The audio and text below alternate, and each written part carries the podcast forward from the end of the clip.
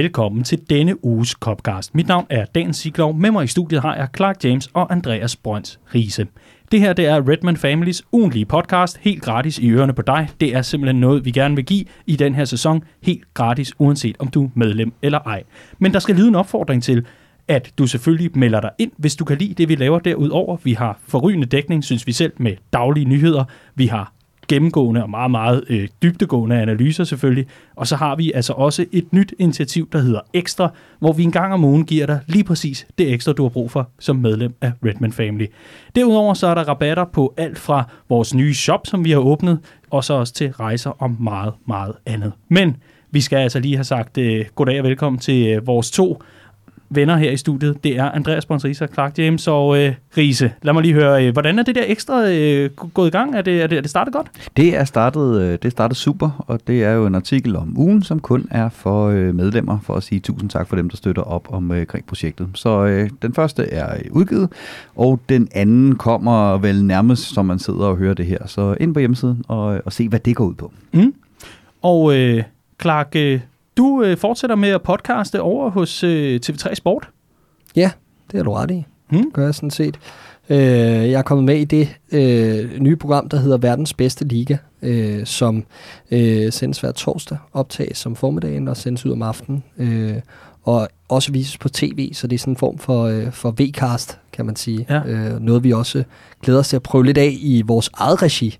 Lige præcis, fordi øh, det det et eller andet sted, Clark har jo et ansigt både til tv og radio, øh, modsat visse andre. Øh, ja, jeg kigger på os, Riese. Det, det, det, det, det må vi åbenbart øh, tage til tak med bare være på lyd.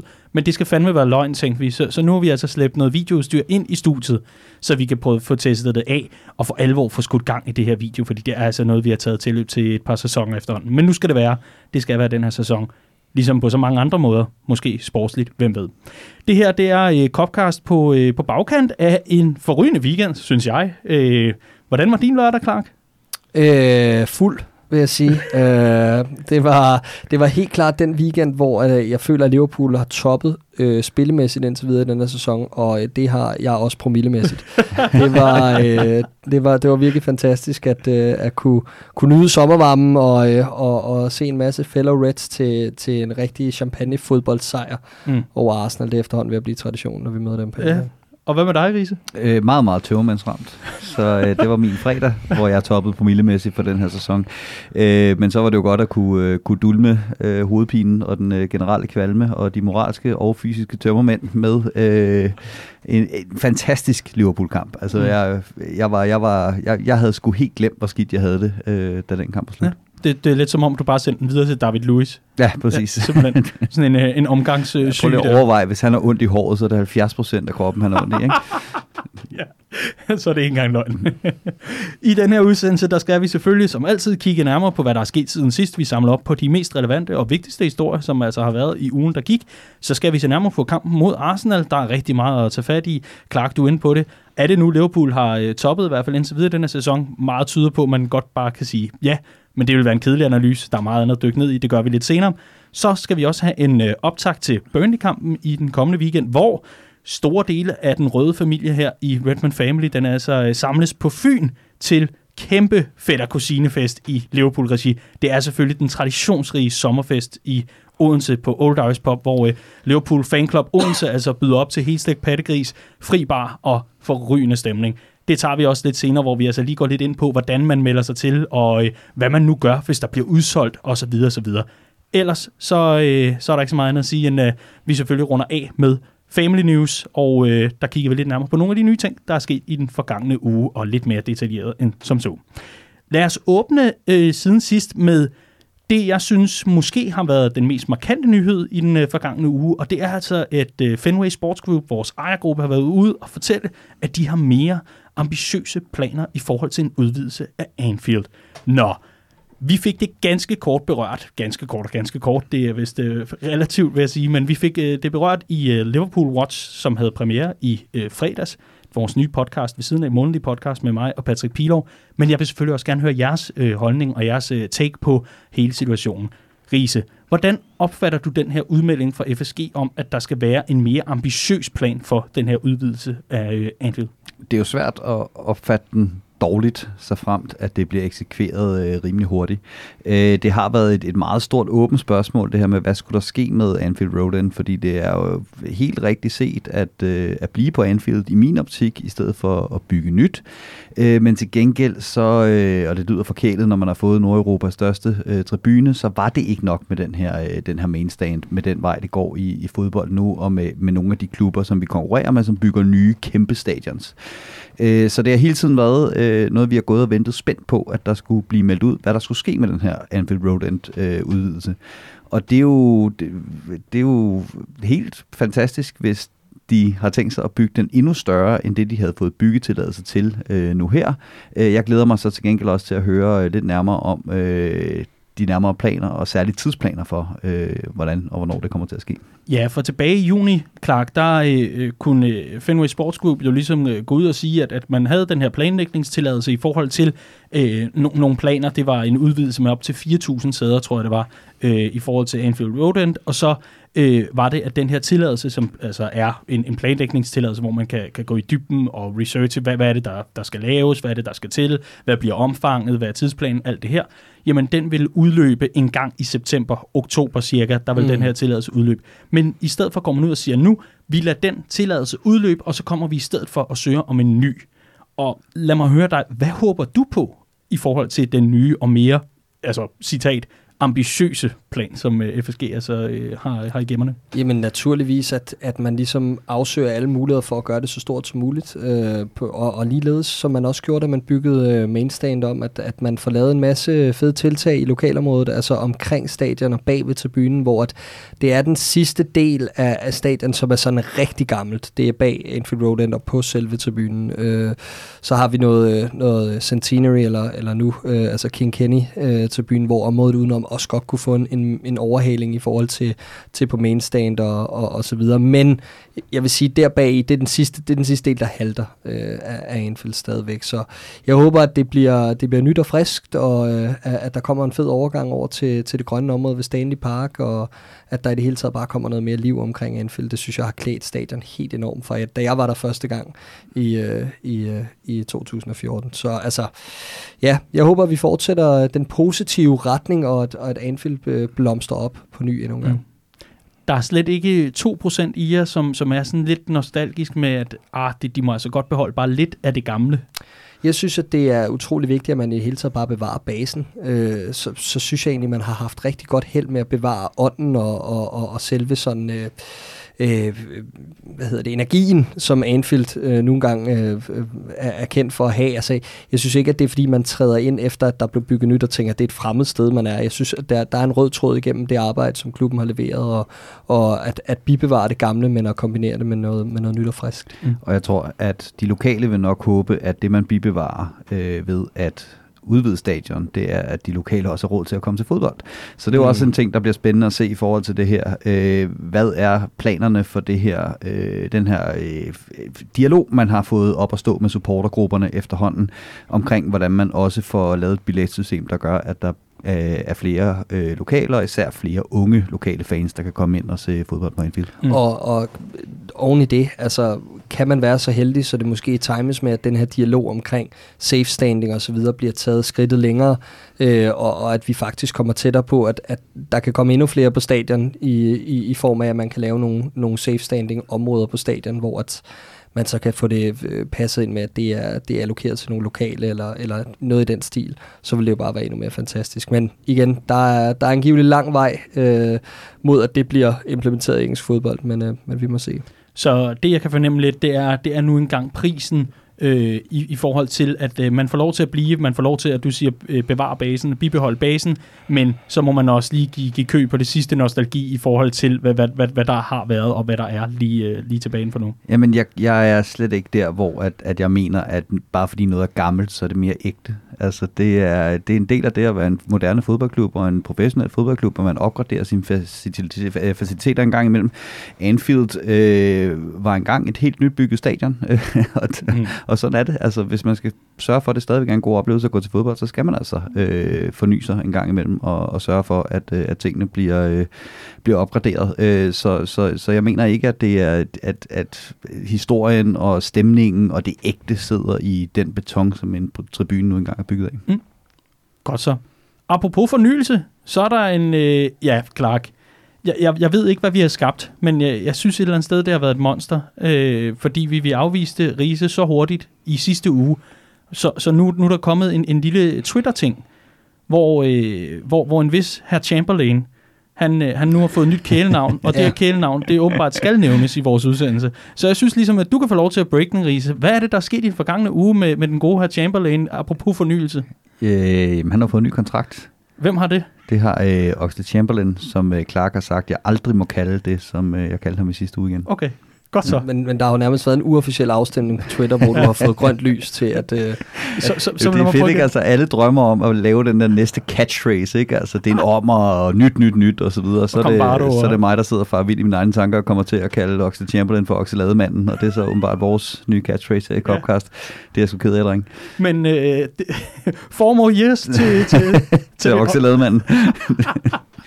Men on, on, on a serious note, ja. øhm, er det, er det godt, at vi forlænger med ham? Ja, jeg synes, det er, jeg synes, det er fint. Øh, han har været ude øh, et år med en, med en skade, og, øh, og man kan sige, det er jo i bund og grund bare det år, vi, vi forlænger med ham.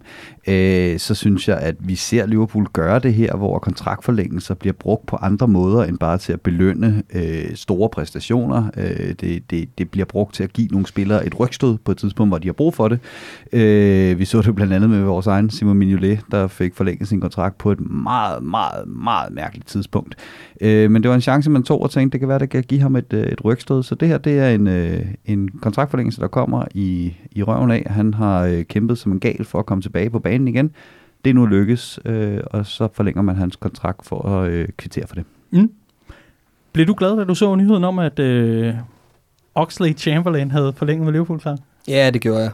Øh, jeg, jeg synes, at det er... Øh, altså, jeg, jeg ved ikke, om det er den smarteste beslutning nødvendigvis, men det er ikke en beslutning, der koster os mange øh, eller, meget risici, eller meget risiko. Øh, jeg synes egentlig, at, øh, at, at det er fint, at vi, at vi samtidig øh, viser lidt... Øh, øh, følelser i denne her situation, og, og ligesom hopper med på vognen og siger, prøv at det fortjener han skulle. Øh, det er også en del af det her med, at man har ikke handlet ind hen over sommeren, så har man også råd til at gøre det her, øh, for at ryste spillertruppen yderligere sammen, og for at skabe noget energi, energi omkring de spillere, der, mm. der, der er til rådighed for Jürgen Klopp. Øh, jeg synes, at øh, han har startet godt, Chamberlain, øh, i den her sæson, øh, med tanke på, hvor længe han har siddet ude, og hvad der kræves af at skulle spille især center midt for Liverpool. Øh, havde en rigtig god kamp i Southampton i sidste weekend. Havde en svær kamp øh, før det, som vi også var inde på i sidste uge i, i, i Superkoppen. Men lader til at være tæt på truppen i, at han også kommer ind i den her Arsenal-kamp og, og, og spiller nogle minutter. Så, øh, så det bliver spændende at følge ham over de næste par måneder, og jeg er helt sikker på, at det er jo ikke rent, øh, ud fra et rent følelsesmæssigt perspektiv, man har givet ham den her aftale. Det har jo også noget på sig, at, at han så er tæt på at være tilbage til det her niveau, som, som, øh, som vi nogle gange kender. Og så tror jeg også, man skal øh, lægge mærke til, at to år er blevet det nye et år, når vi snakker kontrakter øh, i, i Premier League. Altså klubberne begynder at gå i panik nu, hvis der er to år tilbage af mm. kontrakten. Øh, fordi efter, når der er et år tilbage, så er man næsten nødt til at sælge billigt, eller lade gå gratis øh, næste år. Så jeg tror lige så godt, vi kan vende os til, at det her bliver øh, the new normal, at det er, når spillerne har tre år tilbage af kontrakten, at man, øh, man begynder at, at tænke i forlængelser. Jeg glæder mig allerede til, at Trent han får sådan en uh, Alan Pardew-forlængelse på otte år. Ikke? øh, simpelthen, det bare bliver det new normal. Det er sådan, du, du er bundet for resten af livet, altså potentielt set, teoretisk set. Ikke? Men øh, i hvert fald en forlængelse til Oxlade Chamberlain, der altså kan kalde sig Liverpool-spiller i, i hvert fald indtil 2023, hvis han bliver kontrakten ud. Nu må vi vente og se, hvad der kommer til at ske. Meget kan jo som bekendt ske i både fodbold og alt muligt andet. Vi rykker øh, videre til en øh, melding og nogle forlydende om, at øh, vores øh, kære ven, Alison Becker, øh, verdensklasse målmand, der havde gang i øh, muligvis det bedste kalenderår, jeg har set en Liverpool øh, have, jamen altså i, i umindelige tider. Han, øh, han blev som bekendt skadet i øh, premierekampen mod Norwich, og han er angiveligt tilbage i midten af september. Det er vi selvfølgelig glade for, ikke? Havde, havde I troet, det var værre? Øh, jeg havde frygtet, det var værre. Jeg synes, at de forlydende, der har været, har ikke været nødvendigvis særlig positive. Øh, og, øh, og jeg, jeg, jeg synes også, det remains to be seen, øh, om han virkelig er tilbage her. Men, men øh, umiddelbart med det her ben i skinne, og, og det her med, at man ikke har vil sætte en, en, en, en, en timeframe på, altså, så synes jeg, at det har set lidt, øh, det har set lidt bekymrende ud. Øh, men selvfølgelig glad for at have ham tilbage. Der er jo klasseforskel på ham og Adrian, selvom jeg synes, at Adrian faktisk har, har løst sine opgaver ganske udmærket, på trods af, at, øh, øh at han kom lidt i uvær. Øh, mm på grund af sin fejl i Southampton. Ja, Klopp var ude og sige, at øh, altså Alison Becker, han kan i hvert fald spise. Jeg har lige spist frokost med ham, mm. og det var, han var uden krykker. Så, så det er altså ikke snøvsen, vi har rendt rundt på Melwood. Det er altså en, en, en spiller stadigvæk med to ben og, og, og med mulighed for at komme tilbage. Så, så øh, det, det, det, det, er ikke, det er ikke så slemt nu. Lad, lad, lad mig høre, Riese, øh, hvor lang tid, øh, altså i forhold til, til Adrian, altså hvor lang tid kan, kan vi holde det ud? Fordi øh, nu, nu synes jeg efterhånden, jeg har set øh, nogle af de der freak øh, accidents, som, som du talte om. Ja, jeg synes, han har gjort det fint. Øh, det synes jeg faktisk. Øh, og jeg synes stadigvæk, nu siger du, at det er en mand med to ben. Jeg synes også stadigvæk også, at alle som et ben vil være bedre. men men, men sådan, sådan er det jo. Altså, det er, det er muligvis verdens bedste målmand, vi snakker om. Det er svært at hamle op med ham. Øh, og i forhold til det, synes jeg, at Adrian har gjort det udmærket. Mm, vi kom, ja. jeg, jeg, jeg synes bare, det er helt vildt at opleve den kritik, der har været af Adrian. Altså, jeg forstår ikke, hvad er det, folk forventer af en reservemålmand, Præcis. man sætter ind, der ikke har spillet en preseason. Altså, mm. øh, man vidste ligesom, at det ville blive, det ville blive tough, da Alison Becker blev skadet. Øh, så kan man ikke forvente, at der kommer en ind og bare matcher hans niveau. Altså, jeg synes også, vi glemmer nogle af de gode ting, han har lavet, Adrian. Altså, han, han sikrer os faktisk bogstaveligt talt en pokal nede i Istanbul. Øh, weekenden efter i Southampton. Han sikrer har, han også to point. Ja, det, ja, det, jamen, fordi han har, jo, han har jo vel to redninger, ind på Matip, mm. der er ved at sparke den net, og en, en suveræn redning i første alder for, for tæt hold på et hjørnespark. Øh, ja, han redder en fri... Ings, Ings øh, chance til sidst, ikke?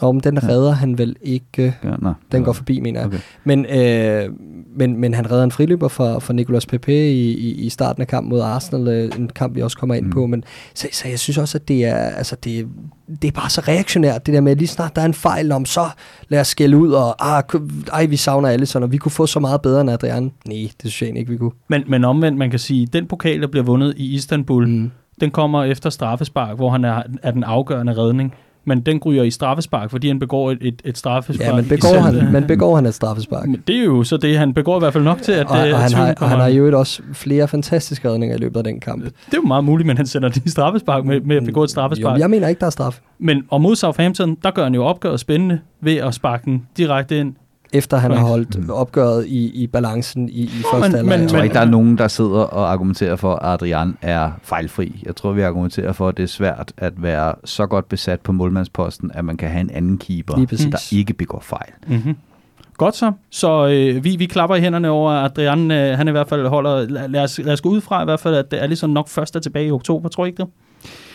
Altså, det har jo sådan været løbende tendens med Liverpool, det her med, at man ikke vil melde ud, først og fremmest, som regel, hvornår spillerne er tilbage fra skade, og så bliver de her sådan, tidsfrister sådan, forlænget og forlænget og forlænget. Øh, men, men skal vi ikke indtil videre øh, sige, at når nu der er meldinger om, at han er tilbage i midten af september, så går vi ud fra, at han er det, og det er mm. selvfølgelig er rigtig, rigtig gode nyheder. Mm.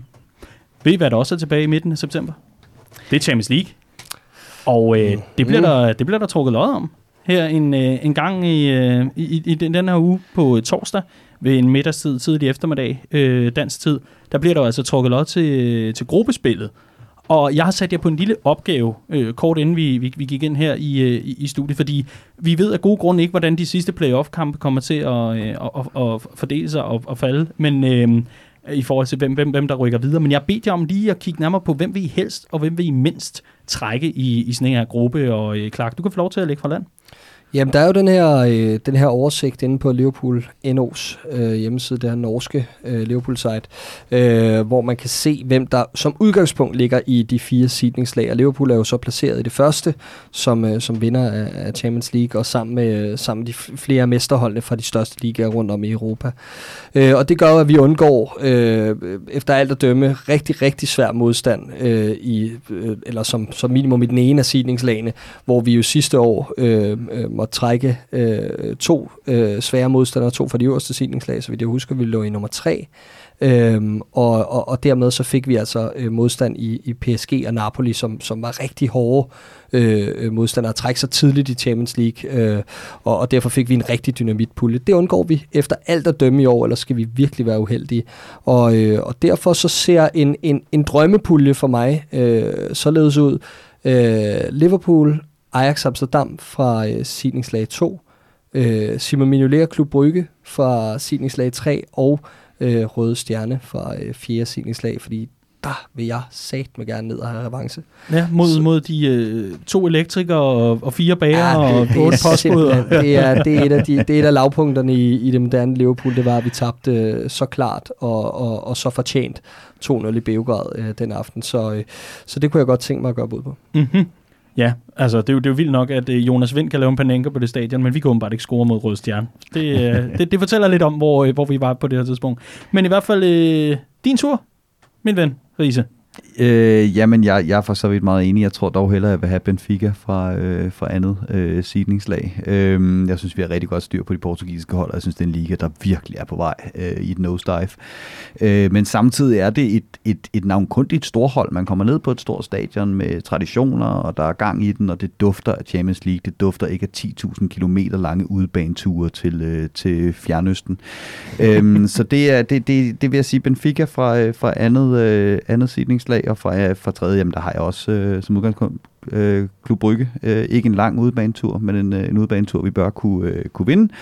Og, øh, og for fjerde sidningslag, jamen øh, lad os da bare øh, få øh, revancen mod, øh, mod elektrikerne fra, øh, fra Rød Stjerne. det, det, er bare, det er bare kun én, ikke?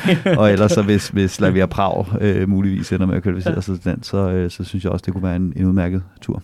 Men plejede det ikke at være, når, når Danmark mødte San Marino eller Gibraltar eller et eller andet landsholdsfodbold, at Flemming Toft ligesom havde øh, sådan en, øh, hvad, hvad, hvad kan du blive liste med over, hvad, hvad højre bakken han lavede til daglig og sådan noget. Det, det, det kunne være fint. Øh, du kan jo give inspiration videre til Carsten Være ude på TV3 Sport, Clark, i forhold til, hvad, hvad laver de egentlig ved siden af de her røde stjernespillere, når, når de ikke gik over og banker Liverpool ned. Det er noteret. Ja. Øhm, vi skal også have nogle skrækpuljer. Skal vi ikke? Just for the fun of it. Du får lov til at lægge ud, Ries. Jamen, øh, fra sidningslag 2, der, øh, der vil jeg sige, at uh, Atletico Madrid øh, er det lige før, jeg frygter mere end, øh, end Real Madrid, men ingen af de to vil være særlig spændende at, øh, at løbe ind i, øh, og, øh, og faktisk frygter jeg endnu mere at løbe ind i Napoli. Øh, så det, det er faktisk dem, jeg ender med som, øh, som en skrækmodstander i, øh, i, i sidningsdag 2. De ser eddermame spændende ud under Ancelotti. Bliver nævnt som første udfordrer til, øh, til Juventus til mesterskabet år, hvis ikke mesterskabsfavoritter i Italien. Og har lige øh, tilføjet Irving Lozano, en spiller, jeg virkelig havde drømt om, der skulle stå øh, Liverpool på brystet engang. Øhm, fra Sidney 3, der er lidt splittet, fordi Inter og Conte er ikke spændende at, at løbe ind i, øhm, og hvilket vi ville kunne gøre, hvis vi trækker Real Madrid eller Atletico Madrid og ikke Napoli øh, for toren. På den anden side, som min bedste ven Inter-fan, og øh, jeg vil godt snart have hunderetten. Jeg vil godt have, snart have, vi mødes, øh, så, så vi kan få sat på plads, at, øh, at der er Liverpool altså bedst. Øh, og øh, ja, fra, fra sidningslag, øh, fra sidningslag 4, der er det vel sådan en, øh, en, øh, en Galatasaray øh, på udebane, en helvedes udebane tur. Øh, til gengæld så er de tyrkiske hold på, øh, på udebane øh, kanonføde i Champions League, så dem vil vi køre over på, øh, på Anfield. Så, så hvordan ender vi, hvis, hvis du øh, ikke kan vælge to italienske hold? øh, okay, Jamen, så, så, så, ender vi, så ender vi nok med Atletico Madrid, øh, Inter og øh, Galatasaray. Den vil jeg del med gerne købe øh, som øh, skrækpulje. Øh, det, det tror jeg godt, jeg kan abonnere på langt hen ad vejen. Clark? Jamen, jeg er helt enig i de to første. Atletico Madrid er Inter, og så øh, RB Leipzig i den fjerde. Et hold, jeg mm. tror, der kan gøre rigtig ondt på vores system. Mm-hmm. Altså, jeg, jeg, jeg synes jo, Inter lyder rigtig godt, fordi øh, et eller andet sted, at øh, så er der mulighed for at komme på San Siro, inden de øh, finder på alt muligt øh, halløj ja, det, det tror jeg faktisk godt kunne være en, en fed udbanetur. Mm. Om, om end, at man lige skal passe på, at det italienske har jeg lavet mig fortælle, øh, hvis, hvis man har sympatier for alt andet end øh, de lokale øh, drenge. Men øh, tak for jeres øh, bud på både øh, drømme og, og skrækpuljer. Vi kommer til at dække den her lodtrækning øh, tæt ind på vores hjemmeside, redmanfamily.dk. Det kan være, at vi liveblogger lige frem, men i hvert fald så øh, kommer vi til at dække den tæt, og vi kommer også til at have mange flere reaktioner og alt muligt andet på den i næste uges Copcast, hvor vi øh, nørder løs og øh, får hed fat i øh, alle de øh, eksperter, vi har, når det kommer til, øh, jamen hvad ved jeg, øh, Slavia Prag og, og, og hvad der ellers øh, nu må dukke op i øh, de varme kuglersbogler. Det var siden sidst for, øh, for nu. Nu skal vi rykke videre til øh, at fokusere på kampen mod Arsenal. Lørdag bød på moralske tømmermænd til dig, Riese, såvel som fysiske, og fuldskab til dig, Klar. Ja. Jeg var mere over i din lejr, vil jeg sige. Ja. Fordi der var der noget at fejre i allerhøjeste grad, da Liverpool på eget græstæppe altså viste Arsenal, hvordan det egentlig er, man er tophold anno 2019 i Premier League. Men lad os lige øh, få åbnet ballet en gang. Vi, vi, vi, vi tager lige og kører to forskellige halvleje her. Lad os tage første halvleg til en start. Ja, jeg ved godt, det er originalt fundet på, men lad os prøve at starte med første halvleg her. Clark, hvordan var kampbilledet i første halvleg ifølge dig? Øh, det var et Arsenal-hold, der kom med øh, enorm respekt for Liverpool. Øh, havde valgt at prøve at ryste posen, både når det kom til formation og når det kom til øh, valg af spillere, øh, Øh, i jagten på et resultat og i jagten på at gøre noget fuldkommen radikalt anderledes i forhold til de sidste par gange, hvor man altså er blevet nedslagtet på Anfield. Så øh, et Arsenal-hold, der forsøgte at, at mixe tingene op, og et Liverpool-hold, der satte sig rigtig, rigtig højt på banen øh, og holdt i bolden og tog så god tid med at skabe de få muligheder, man nogle gange kom frem til før pausen. Øh, og så lurede Arsenal også på, øh, på de her kontrastød med især øh, Nicolas Pepe op foran, øh, som, som skulle gøre ondt på os. Mm. Altså Arsenal stillede, i- ifølge papiret stillede de i hvert fald op med en, en form for diamant, øh, hvor Granit Xhaka var øh, bagerste mand, kan man sige, i bunden af, af, af diamanten, og så havde han øh, Willock, henholdsvis Willock, og øh, nu har jeg selvfølgelig glemt navnet, Guendouzi selvfølgelig, øh, til hver sin side, og så havde han øh, Ceballos oppe i en, en form for 10'er-position offensivt. Det var i hvert fald sådan, det så ud på papiret, men hvordan var det i praksis? Øh, der var det tit og ofte all over the place øh, for Arsenal, og den her diamant tydeligvis ikke et system, de, var- de var vant til at spille i, tydeligvis et system, der var opfundet til, øh, til lejligheden. Og jeg kan egentlig godt forstå tanken bag, hvad det var, Arsenal øh, ville med det her system. Øh, de gav vores bak al, øh, baks altid i verden til at øh, slå de her indlæg. Så galt det om at øh, afvise de indlæg, få anden boldene, og når nu man så har suget vores bak frem i, bag, baks frem i banen, hvilket selvfølgelig er en risky strategi med de kvaliteter, de nu har, så er der mulighed for at ramme øh, ned i kanalerne, hvor de lige præcis spillede to mod to. Øh, to øh, Liverpool forsvarsspillere tilbage mod to af verdens allerbedste kontraspillere. Så det var strategien for Arsenal, og hvis man kigger på sidste år, hvor Liverpool havde, øh, havde problemer, jamen så var det gerne, når der blev lukket ned i det her rum inden centralt, og vi ikke rigtig kunne komme ind og spille der. Så jeg forstod godt strategien. Øh, den, den lykkedes så øh, bare ikke mod et Liverpool-hold, der bare var klasser bedre end Arsenal på dagen.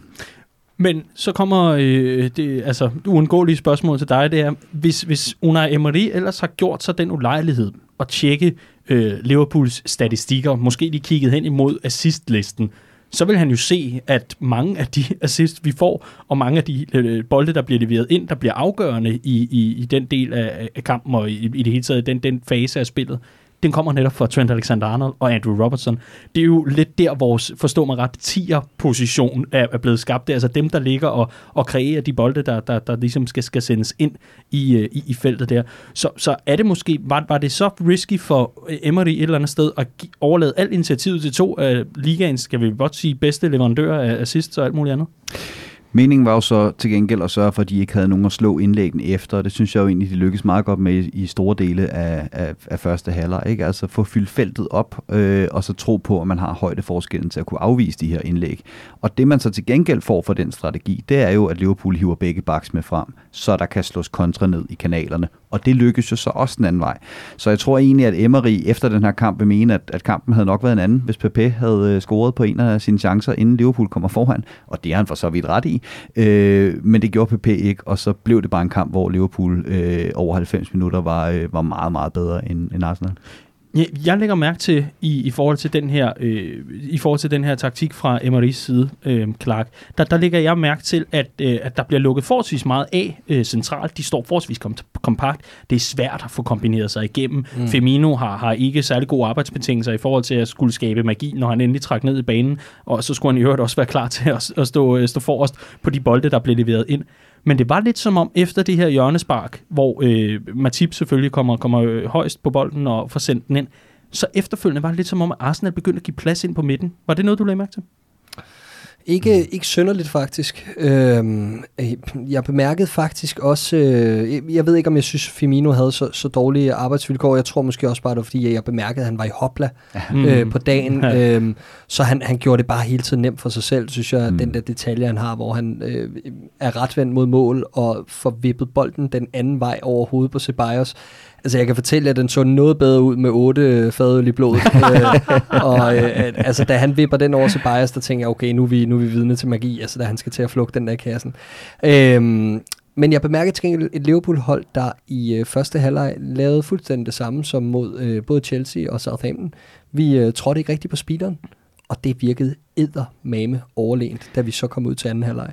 Øh, der virkede det som om, der satte vi bare lige øh, 20% mere på, og, øh, og det, det, der, der, må jeg indrømme, der, der var jeg for første gang i den her sæson rigtig imponeret også. Altså, at det virkede som om, vi faktisk sparede os i de første 45 minutter, for så at køre på i de næste 20-25 minutter og dræbe kampen. Ja, altså jeg, jeg så et, et Liverpool-hold, og, øh, og, og det synes jeg egentlig var, var rigtig interessant. Og jeg synes sidste år, der så man tit og ofte et Liverpool-hold, der havde svært ved at omstille sig. Hvis man kommer ud på banen og tror, man skal have en slags kamp, og det så viser sig at blive en anden slags kamp, der så vi ofte Liverpool have de her problemer. Øh, det starter øh, første eksempel i Napoli, Keita går hurtigt i stykker, og så kommer vi aldrig ind i den kamp. Det kan der selvfølgelig være mange grunde til. Og det kulminerer ved den der åndssvage 0-0-kamp på Trafford, hvor det ødelægger, ifølge Jürgen Klopp, vores gameplan, at modstanderen får fire skader. Ikke? Det jeg ser i den her kamp, det er egentlig, at Liverpool kommer ind, og så tænker de, hvad fanden er det her? Ikke? Og så kommer man i gang med at spille kampen, så begår Jordan Henderson et par, et, faktisk et par fejl i, i forhold til netop det her spil med at, at være skarp på anden bolden, så de ikke kan få de her kontrastød afsted, og det er der, det bliver farligt. Og så ser jeg et Liverpool-hold, der stille og roligt finder ind i en rytme for tilpasset sig til, hvad er det egentlig modstanderne laver, mm og så bare begynder at sætte det her kontinuerlige pres øh, ned mod Arsenals mål, hvor jeg i løbet af halvlejen begynder at tænke, det her det kan ikke blive ved med at gå godt for mm. Arsenal. Og der havde vi ofte sådan nogle kampe sidste år, hvor jeg tænkte, vi kunne spille, øh, eller ikke ofte, men det hentede, at vi havde nogle kampe, hvor jeg tænkte, vi kunne spille 10 timer, vi får ikke scoret det her, det føltes som noget, der nok skulle komme. Ikke? Mm. Og så er øh, den gode David Lewis altså bare sådan lakmuspapir på, er der stress i et forsvar, eller er der ikke stress i et forsvar? Ikke? Altså, hvis der er stress i et forsvar, så laver han mongolerier, og det begyndte han så at gøre. Ikke? Så, og det var jo, det var jo Liverpools fortjeneste, ikke? Ja. Altså, at man får, øh, man får sat det her kontinuerlige pres på, og, og, og et Arsenal-hold, der stille og roligt godt kan mærke, at det her, det kan ikke blive ved med at gå godt, og det gjorde det så heller ikke. Men altså, det var jo en savanne, vi, øh, vi ejede langt hen ad vejen, Clark, hvis vi skal prøve at bevæge os mod det afrikanske, fordi i 41. minut, der kommer øh, giraffen over dem alle, altså øverst på, øh, på et hjørnespark, og så får han ellers sendt bolden i kassen. Og øh, så kan man finde alle de videoer, man vil af en, en Supercup-fejring og så videre. Den energi, han lægger i jubelscenen øh, mod resten af Anfield, den, den er jo det hele værd. Hold op, hvor han dog elskelig. Men altså, hans bevægelser, jeg ved ikke, hvad han ligner. Det er Han så han, godt. Han er simpelthen fantastisk. Altså, øh, og et glimrende mål i øvrigt, hvor jeg tror ikke, jeg ved ikke, om Virgil van Dijk har forstået, at vi vandt 3-1. Eller, altså, fordi Ja. han, han ser da ikke, der er mål i hvert fald. Han står stadig og brokker sig længe efter, og han vil have et straffespark, hvilket han også skulle have i situationen. Men øh, så ja, fantastisk. Øh, Matip og en glimrende start på sæsonen var ham, må man sige. Ja. Altså, øh, i, i de forgangne sæsoner, det er også noget, vi har bragt ind på vores Facebook-side her øh, i løbet af mandagen. Mm. I de forgangne sæsoner er det blevet til en enkelt scoring. Allerede to mål nu i fire kampe. Mm. Altså, hvad det ikke ender med. Hvis man tæller Community Shield, ikke? Det gør man ja, jo. det er klart. Altså, på den Ja. her, hvis man ikke vinder den selvfølgelig, så gælder den ikke som en trofæ. Det skal vi lige huske Ja, på. og det, jeg synes, der er vigtigt at lægge mærke til ved den her også, det er, at da Matip kommer til England i sin tid, der snakker han om det her med, at jeg er høj, men det er ikke sikkert, at jeg rent fysisk kan være med i England, altså når man kommer ind og skal, skal spille på kroppen af hinanden, fordi han, han var sådan en høj, lanky type, ikke? Øh, og det kan han selv udtrykke for, da han, øh, da han kom til England. Det her, det er så sådan, altså decideret autoritativt ud. Han stiger bare op over øh, øh, Sokrates ikke? Øh, og, og pander den ind. Øh, det, det mål, han scorede sidste år mod Southampton, det husker jeg ikke som sådan et øh, tre skridt tilløb, og så op og knalde den ind. Det var mere sådan noget kolotoré, hov, jeg stod her, der kom bolden. Ikke? Ham, og, ham og Fabinho er i det hele taget sådan sjovt bygget, ikke? Altså øh, utrolig spinkle typer begge to, men må have simpelthen så stærke muskler i både ben og, og, og hoften, altså fordi der skal jo virkelig noget til at, at kunne vende på de her, nogle gange ser man Matip sådan med de her mindre angriber, simpelthen nærmest vende med dem på ryggen. Men det virker altså, som noget, han har lagt spiller. til, det, øh, Ja, ja, efter han er kommet muligt. til Liverpool. Altså, det, det, det, det er virkelig en, en udvikling, jeg synes, man har kunne se på ham øh, over det sidste års tid. Mm. Altså, skub til taget med, med, med Matip, og ja, så kommer giraffen altså bare flyvende ind. Og, og altså mod Chelsea, hvor han lige øh, er inde på, øh, er det, Pulisic, der går Ja. ned mod baglinjen, hvor han så ligesom kommer, ja, det plejede jo at være mig, der kom direkte fra Bundesligaen, nu er det dig. så blev han ellers ekspederet ud i banden. Ja, lige præcis. Farvel og tak. Men altså med tips indsats og i det hele taget formkurve, som det ser ud lige nu, øh, også en debat, vi har rejst på øh, Facebook-siden her i løbet af mandagen, hvor, øh, hvor, hvor jeg stillede spørgsmålet, ja, det var lige mig, der havde vagten på, på det opslag, men der stillede spørgsmålet, hvad øh, har Matip øh, egentlig gjort sig fortjent til at være Virgil van Dijks faste forsvarsmarker nu? Altså er han, skråt, øh, er han undskyld, trådt forrest i køen i forhold til, øh, til den her rangorden, eller hier, det hierarki, der nu måtte være? Og ubetinget ja, absolut, øh, er i hvert fald det, der lyder. Øh, så øh, synes jeg for eksempel, at der er en kommentar her fra Kasper Silas. Jeg kan lige tage et uddrag af den. Han siger, jeg ser stort potentiale i Joe Gomez, men jeg synes, at Matip er en smule foran PT. Det så godt ud i weekenden. Matip har nogle øh, vanvittige clearinger en gang imellem, men et fornuftigt bundniveau, og i weekenden var han stærk. Og så er der øh, blandt andet også en Peter Benneke Christensen, der skriver, tja, Gomez er måske i fremtiden, men jeg føler mig noget mere sikker på forsvaret, når det er Matip, der er marker til Virgil van Dijk. Matip formår på en eller anden måde altid at få rodet kastanjerne ud af ilden, inden det bliver rigtig farligt, og så er han bare bedre i luften end Gomez, øh, skriver han altså her. Og øh, så kommer spørgsmålet videre til jer. Hvad, øh, hvem, øh, hvem, hvem, hvem, hvem får lov til at være øh, plus en på, øh, på Virgil van Dijk? Jeg synes, det var meget sigende, at det her det er øh, første gang, vi har haft en uges pause, og, øh, og nu skal vi ind og knalde igennem mod et af de andre tophold, og så går vi med nøjagtig samme opstilling, som vi gjorde i Champions League-finalen, øh, hvor Matip jo altså også startede. Øh, så, så det siger alt for mig om, at ja, lige nu, når øh, når, når lortet rammer ventilatoren, øh, så, er det, så er det Matip, der står derinde ved siden af, af, af Van Dijk. Han er forrest i køen øh, lige nu. Mm. Men jeg tror ikke, vi skal regne med, at vi får sådan en sæson, hvor at, at vi bare kører med øh, Matip og Van Dijk 20 kampe i streg. Det, det tror jeg ikke på. Altså lovprisningerne vil ingen ende øh, tage, Clark. Især, altså et er på vores Facebook-side, men på Twitter, hvor øh, Matip ligefrem bliver udråbt til øh, en af ligaens bedste centerbacks lige pt. Jamen altså, han har også vist fantastisk form over de sidste, øh, ja, 6, 7, 8 måneder. Øh, jeg synes virkelig, at han har, været, øh, han, har, han har grebet sin chance med begge hænder, siden at der var det her, den her kæmpe skadeskrise i vores centerforsvar i, i foråret. Der var det ligesom, der, den var op for grabs, og det synes jeg virkelig, at han er, han er trådt til og har grebet den med begge hænder. Og derfor var jeg også kritisk øh, over, for, over for Klopp og trænerstaben, at de ligesom startede sæsonen med, at det virkede til, at man, man, man ville prøve at spille Gomes ind fra start af. Fordi jeg synes, at Matip på intet tidspunkt har spillet sig af. Mm. Øh, og, og, øh, og jeg synes, han har, han har cementeret sin plads med de to scoringer, men også med stabilt forsvarsspil. Og havde det været Allison bag de to nede bag i, jamen så havde vi altså også holdt nogle clean sheets indtil nu. Det er nemt at sige alt det her, men, men det har jo skabt noget usikkerhed. Øh, så jeg synes øh, lige nu øh, er, det, er det værd at gå med Matip, og så kan jeg jo sagtens se potentialet Joe Gomez. Jeg kan sagtens se, at han som type passer bedre ind i det, Klopp gerne. Mm. vil, og især nu, hvor vi prøver at rykke linjen længere frem, at du får en hurtigere spiller ind og stå ved siden af Van Dijk og så videre, men, men altså, men som udgangspunkt, der synes jeg faktisk, at han er bedre end Joe Gomes. Men er det ikke lidt, altså, lidt, lidt øh, oh, skruen ud, hvad, hvad de vil kalde det, sådan lidt, lidt, lidt et dilemma, sådan damn if you do, damn if you don't, fordi Joe Gomez har vel også brug for at komme ind og få minutter i benene for at komme tilbage til øh, fordomsstyrke. Altså efteråret 2018 står jo klart for os alle sammen som muligvis noget af det bedste, vi har set fra en ung forsvarsspiller i, i Liverpool i mange år. Går ind og øh, agerer fantastisk boldværk. Der var lige Trent Alexander-Arnold sidste to år, men ja, Ja, men forstå mig ret, inde, i- inde i center bare, øh, inde, inde, i- inde i midten af forsvaret. Men ja, Trent Alexander-Arnold er også okay. Men, øh, nej, men, men øh, spøj til side, altså Gomez har vel også brug for at få nogle minutter i benene for at få lov til at udfolde sit potentiale, komme ovenpå efter den her lange Mm. skadesperiode, Mm. så videre. Men, men om man kan Klopp heller ikke prioritere ham over en Matip i storform. Men jeg tror heller ikke, at øh, jeg var jo ikke lige så kritisk øh, som Clark øh, over den her rotation, øh, vi, vi lavede i starten af sæsonen. Øh, også selvom Matip ikke på noget tidspunkt har spillet sig af. For vi får, brug for, for, for begge to øh, i løbet af en lang sæson. Og, og Gomez har jo så den, øh, den kæmpe fordel, at han er ret alsidig. Så han skal nok få sine kampe både på højre bak, og jeg tror så også på venstre bak, og øh, inde i det centrale forsvar ved siden af, af Matip. Og jeg tror også, en, en spiller som, som Matip, altså selvfølgelig er fodboldspiller er gærig og vil spille hver gang osv., men jeg tror også godt, han forstår sin rolle øh, på det her hold, og er også en spiller, der har været skadespladet tidligere, så det kan være, at han ligefrem synes, at det er en fordel for ham også en gang imellem at få, øh, at få det her hvil, mens vi ligesom får løbet øh, hans direkte konkurrent Joe Gomez i gang. Mm. Hvor, hvor godt gør I jer i memes på internettet? Altså, I, I, I kender dem sådan nogenlunde, ikke? Jo. Kan, kan I huske det der stokfoto af øh, sådan et kærestepar, der holder i hånd, og så vender han Ja, sig om ja, og ja. tjekker bagdelen på en, øh, på en kvinde, der er gået forbi? ja, Ja, Christoffer Hercules Pedersen. Mhm. ja, eller Hercules, øh, står der her, har, har lavet en bare med Van Dijk og Gomez, der holder i hånd, hvor Van Dijk er så den, der vender sig om og, og vender sig mod Matip her. Øh, virkelig, virkelig klasse, og det er vel også lige pt. det, Van Dijk burde gøre i omklædningsrummet, er det ikke? Kig med, på Matips røv. Ja.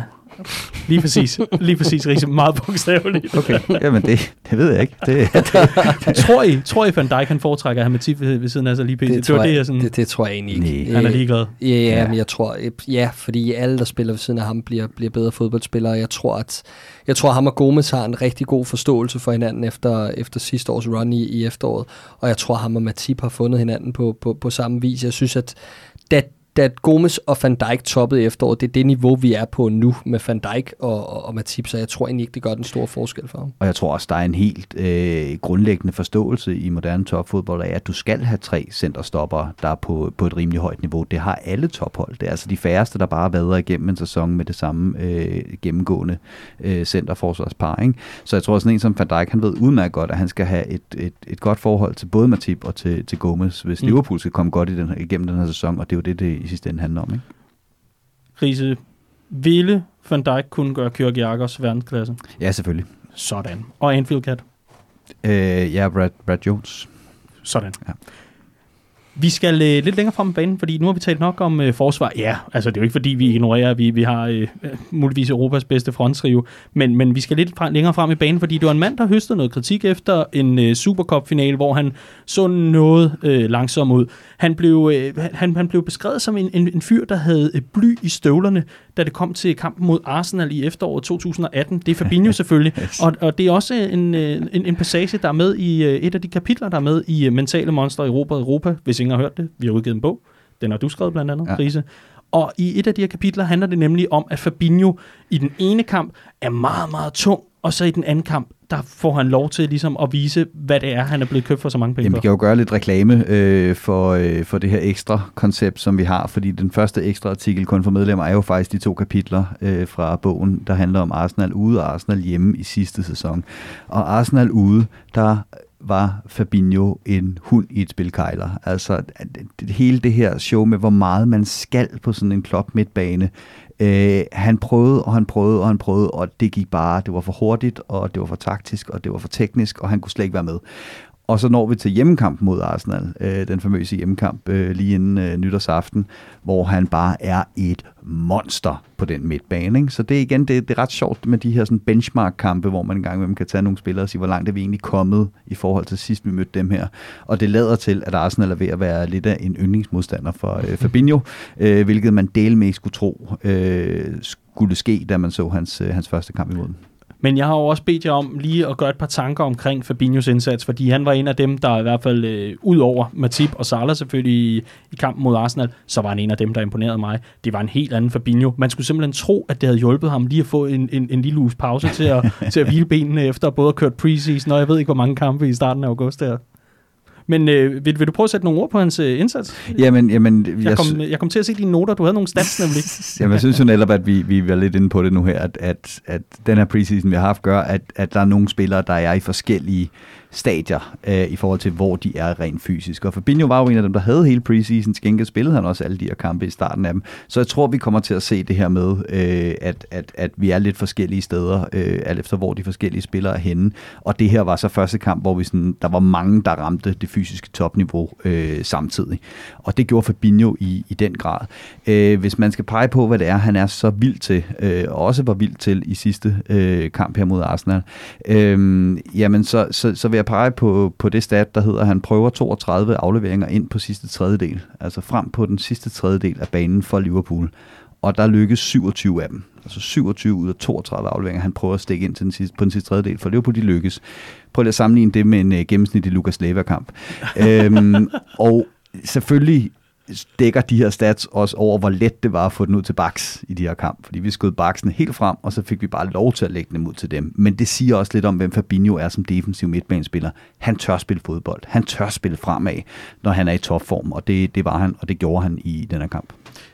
Den sæson, Fabinho står foran nu, at vi ved af gode grunde ikke, hvordan den kommer til at forløbe, men i forhold til det niveau, han trods alt har vist, og, og, og den måde, han er blevet øh, kørt ind på det her Liverpool-hold, tror du, han, øh, han vil kunne komme op på niveau med for eksempel sådan en type som øh, N'Golo Kanté? Altså, jeg ser ham som værende en helt anden type, øh, men jeg ser ham være i øjeblikket, øh, og, og med det halve år, han har spillet, øh, både i slutningen af sidste sæson og, og, og det niveau, han lægger for dagen øh, mod Arsenal, så er han altså bare på et niveau, hvor vi må kalde ham, hvis ikke den bedste, så i hvert fald i top 2 over de bedste defensive midtbanespillere i Premier League. Øh, jeg synes, han er helt fantastisk, og han klæder det her hold og den måde at spille på. Jeg havde ham som en af nøglefigurerne op til den her Arsenal-kamp, mm. hvor, at, hvor jeg virkelig spåede, at det var der, han skulle stemple ind, hvis Liverpool for alvor skulle, skulle hente et resultat og være dominerende. Øh, fordi det er sådan en modstander, hvor man kan blive løbet over enden, hvis man ikke har styr på den her, have den her prop på midtbanen og på mange måder opsummerede han jo forskellen på de to hold. Jeg ved godt, at Arsenal heller ikke har Van Dijk nede i bagkæden, men de har bare heller ikke den her kontrollerende midtbanespiller til at sætte en, sætte en prop i. Øh, og, og, og altså, det siger alt, at de er nødsaget til at sætte Granit Xhaka ned på den defensive midtbane i sådan en kamp. Det holder jo ikke nogen steder. Så for mig, Fabinho, øh, alt peger i retning af, at han får en, øh, en, en fantastisk sæson øh, og, og fortsætter øh, de gode takter for foråret. Han skulle lige over en rigtig hård preseason. Han er helt sikkert blevet pisket igennem denne her, og er blevet bedt om at lægge noget niveau på, på både fysisk, som vi var inde på før, men ligeledes på, at, øh, på, på sin form, så han kan holde over hele sæsonen. Så han er blevet paced af i starten, og det kunne man også godt mærke i de indledende runder, og nu lader han til at være ved at få overskud, når vi begynder at have lidt længere mellem kampene. Men forskellen på Fabinho og sådan en klassisk sekser, det er altså også det her med, at hvor en klassisk sekser oftest tænker bagud. Jeg må ikke efterlade områder bag ved mig, øh, som de andre kan løbe ind i. Så på et klophold, der skal man først og fremmest tænke fremad. Man skal tænke i at presse fremad, man skal tænke på at skære de rigtige pasningsbaner af, og det kræver bare kæmpe store cojones, og det kræver et helt andet skillset. Og det har Fabinho bare, ikke? Altså, han, han har to taklinger, der lykkes i den her kamp, og til gengæld laver han seks interceptions, ikke? Og det er jo, fordi man tænker fremad i at bryde pasninger, i stedet for at vente på, at spillerne kommer løbende ned imod en.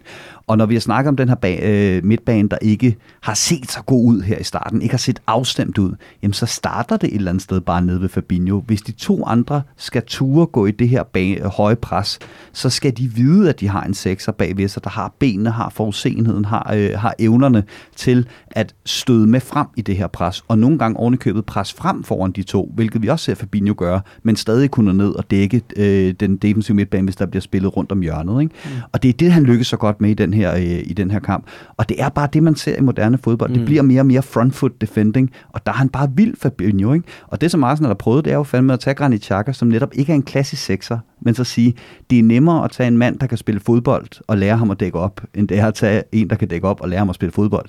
Fabinho kan bare begge dele. Hmm. Jeg, jeg synes, et, et glimrende eksempel på noget af det, du øh, sidder og siger nu, Riese, i forhold til, at han tænker fremad, det er vel egentlig også, hvor resolut han behandler bolden, da han er nede og hjælper Trent, der er ved at blive presset lidt for langt ned øh, mod, mod eget felt i en situation ude i højre side af banen. En Arsenal-spiller derop og presser ham højt. Jeg øh, husker ikke, om det er den ene eller den anden øh, fløjspiller, men, men sender bolden ind centralt til, til Fabinho, der er nærmest first time den afsted til Mohamed Salah, der så i en mod en øh, mod, mod øh, David Lewis, og det ved vi alle sammen, hvordan gik, jamen øh, sender den afsted, og dermed også laver en assist. Altså fordi det simpelthen ligger øh, indkodet i ham, og han hurtigt finder den her kanal, og bare er meget mere til stede mentalt, virker det i hvert fald til, i den her kamp, end han har virket i, i, i flere af de andre opgør, vi, vi har set ham i indtil videre. Så det taler jo egentlig meget godt ind i, i din analyse øh, langt hen ad vejen, Riese. Jeg synes klart, fordi det, når, når det kommer til vores gennemgang her, så kommer vi altid til at kigge lidt for langt tilbage banen, og jeg savner nogle gange lidt, at vi, vi husker at hylde, fordi det, det er altså bare ikke øh, nødvendigvis, det er blevet hverdag nu, men, men vi har delt med ikke været, altid haft det på den her måde, og haft det så luksus i forhold til vores offensiv prøv lige at sætte nogle ord på Mohamed Salahs indsats i den her kamp, og så må du gerne gå videre øh, ud, ud, ud af, med resten af trioen. Jamen, jeg synes, at øh, hele trioen ser skarpere ud, end de har gjort øh, nogensinde for Liverpool, men på den måde, at øh, de virker velforberedte. De virker i rigtig, rigtig god form, alle tre, og det virker som om, der ligesom er blevet kigget hinanden i øjnene, inden, øh, inden man gik på sommerferie og sagt, prøv at høre, vi lægger på næste år. Øh, og det betyder, at man går ikke ud, Bobby Firmino, og øh, drikker hjernen ud i tre uger og møder op fire kilo for tung. Altså, øh, jo, man fester og hygger sig og sørger for, at man vinder de pokaler, man skal hen over sommeren, men så har man fandme ambition om at møde ind ved dag et, og så er man bare klar til at vinde endnu flere. Øh, og jeg tror bare, det, det er noget af det, det gør at vinde et trofæ øh, for, for sådan en trup her, der hungrede efter det så længe, at, øh, at løfte den Champions League-titel, som man gjorde før sommerferien. Så, så, så det har helt klart gjort noget ved dem. Men Mohamed Salah, altså... Øh, han er, han er for mig den skarpeste af dem alle sammen. Øh, han virker til at være i absolut fysisk topform. Øh, øh, jeg tror ikke, han har lavet andet end at, at, at, at træne fysisk og træne cardio hen over, hen over sommerferien. øh, han virker skarpere i kombinationsspillet, han virker til at have bygget på som, som fodboldspiller i det hele taget, og ikke bare på at, at, at forbedre det, han kunne i forvejen, men der, der, han lader bare til at være mere komplet. Øh, jeg tror, han kommer til at lave så mange mål i år. Øh, jeg tror, han kommer til at lave så mange oplægger. Jeg tror, han kommer til at blive så afgørende. Og en af nøglerne til det er jo netop, at sådan en som Sadio Mane er begyndt at tage så meget opmærksomhed igen fordi han er begyndt at score rigtig mange vigtige mål, så nu er man nødt til at dæmme lidt mere op over i den side, hvis man er modstanderen. Og sådan bølger det lidt frem og tilbage, ikke? hvem det er, der er nøglespilleren på det her Liverpool-hold, så får den spiller mere opmærksomhed, og så giver det plads til den anden, eller de to andre i fronttriven. Og det er jo en kæmpe styrke ved at, ved at have flere våben op foran, og, øh, og derfor tror jeg, at sådan en som Salah kommer til at få endnu en, øh, endnu en fantastisk sæson, og tættere på den, han havde i, i sæson 1 end i sæson 2. Og det er, det er early days, øh, men jeg ser nemlig også det her med nogle steder, hvor jeg allerede nu synes, synes, man kan se, det at Liverpool-hold har prøvet at forbedre sig. Og vi har været inde på det før, hvis ikke man forbedrer sig på transfermarkedet, hvilket vi har valgt at lade være med at gøre, øh, eller forsøge på at gøre, så må man jo forbedre sig inden for truppen øh, ved at lægge nogle yderligere lag på de ting, man kan. Og, øh, og en af tingene var det der straffespark, Salah sætter ind. Det er første gang, jeg har set ham sparke straffespark med overvisning. Han har altid været en luk øjnene og spark hårdt og håbe det går. Øh, straffesparkskyt, det der, det er vanvittigt sat ind. Øh, og så en ting, jeg lagde mærke til, det var, at sidste år, der kunne vores spil godt blive sådan lidt endimensionelt forstået på den måde, at Salah trak ind i banen hver gang, Mané trak ind i banen hver gang, skubbede vi fløjene helt frem, og så var det dem, der skulle stå for al bredden, og så skulle vores midtbaner egentlig bare ligge og fylde det rum, som vores, øh, vores øh, baks efterlod og agere restforsvar mere eller mindre. Det, vi, det, jeg synes, vi allerede nu ser, det er, hvor meget mere varieret vi spiller over kanterne. Altså den, den bold, Salah skubber forbi, øh, skubber forbi øh, Luis, så bredt har jeg ikke set ham længe. Og det får han jo noget ud af. Og det, det, jeg synes også, der, der er noget meget sigende i, at det, det straffespark, vi får, der er det Trent, der bliver tilbage, og Henderson, der tager løbet bredt. Og når vi kan begynde at spille på den der måde, hvor det ikke kun er bakken hver gang, der har bredden, men, men det er en fløj, en bak og den ene otter, der på fuldstændig samme måde som City har pisset igennem Premier League på de sidste to år, ved at kunne det her, ved at afstemme det her, ved at kunne variere deres spil udbredt, øh, så, så lægger vi længder på, hvordan vi spiller fodbold i forhold til, hvad vi, øh, hvad vi gjorde øh, sidste år. Og jeg synes, de, øh, de indledende tegn, øh, i hvert fald bedømt ud for den her kamp, var er meget, meget, meget, meget positive, når det kommer til det. Mm. Og øh, Klopp var ude øh, i forhold til, øh, nu har vi været forbi alle, øh, alle tre mål. Øh, Mathias hovedstød, øh, Salas øh, straffespark, der blev sat rigtig, rigtig godt ind. Og så altså Salas øh, duel mod øh, Luis. Mm. Monreal gjorde alt, hvad han kunne for at nå hjem, men øh, der var øh, den egyptiske farve altså bare øh, stukket afsted med, med alt, hvad han overhovedet har i benene. Og så skal vi jo bare lige have den sidste reducering, for Klopp var ude og sige, at det, det var det, han i Tyskland, og, og det er så der, hvor uh, Lost in Translation et eller andet mm. sted, men, men meningen var, at det var sådan en, hvor alle er i feltet, og alt kan ske. Det var lidt det, der var pointen omkring det. Køber I den, eller... Uh, eller, eller synes I, det var lige, at, at vi, vi, vi glemte lige at holde uh, gassen uh, nogenlunde kørende på, uh, på mm. automobilen? Det ved jeg ikke. Jeg, Altså, jeg, jeg synes, det er svært at hænge så mange ud. Jeg synes måske, at øh, man alligevel vil så nævne, at, at Henderson, øh, det er jo lige netop årsagen til, at han ikke er sekser øh, længere. Det er, at Fabinho havde jo blokeret den der øh, og fået den ud af kommunen. Øh, men, men, men det bliver sådan en gang, ah, lige ved næsten. Øh, den bold, der kommer på tværs, som Todea i sidste omgang så scorer på. Øh, så altså, Udover det, så den kom jo aldrig rigtig i far. Der var lige sådan 5 minutter øh, mm. mellem 85 og 90, hvor man lige tænkte, nu skal vi lige holde lidt bedre mm. fast. Men altså, igen, det er tidligt på sæsonen. Jeg synes, at det var væsentlig forbedring til, hvad vi har set i de forgangne uger. Øh, set over 90 minutter, men der mangler stadig lige nogle procenter, og det synes jeg er helt naturligt. Ja, og, og så øh, kan man jo også et eller andet sted, hvis, hvis, man, øh, hvis, hvis man ser highlights igen, så kan man også se, den der faktisk, tror jeg, umiddelbart sådan, i forhold til gestikuleren, er mest frustreret over, at det mål, øh, det overhovedet bliver scoret for Arsenal. Øh, Adrian. Er det Adrian, ser du det, det som? Ja. Jeg ser det som Fabinho. Han står okay, simpelthen og slår ud simpelthen, ja. og er, er frustreret. Og det kan jeg da godt forstå, når man lige har ligget og spillet en, en knaldkamp, ikke? og har lukket ned, for jeg ved ikke, hvor meget, og har ligget, og man har lige lavet en assist til mm. Salah og alt muligt andet. Altså, jeg, jeg forstår Men, godt frustrationen, og stadigvæk, det er også irriterende, at vi ikke får det clean sheet, synes jeg. Jamen, jeg, jeg, jeg tror også bare, at det, er, det, det, det havde betydet så meget for især de defensive øh, spillere, men, men også bare for hele holdet lige at bygge clean sheet på.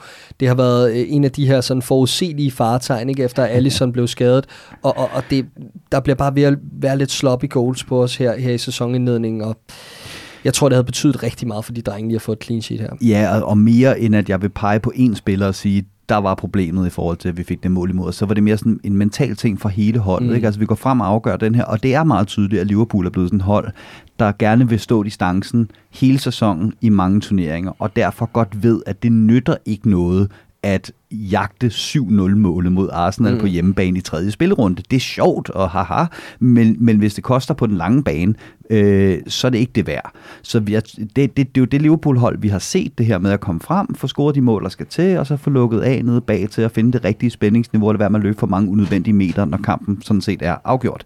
Og det er der, hvor vi lige falder 5% for langt ned, efter vi kommer, øh, kommer på, øh, på 3-0. Og det er jo sådan nogle ting, der sådan stille og roligt skal, skal afstemmes. Og i den forbindelse er det da kun fedt at se, at vi har en Fabinho også, der så er edderspændt rasende forbandet. Ikke? Øh, for det er jo sådan en ting, jeg lagde mærke til. Øh, det her med nu, vi i årvis snakkede om, at Arsenal ikke har nogen ledertyper. Det har de stadigvæk ikke.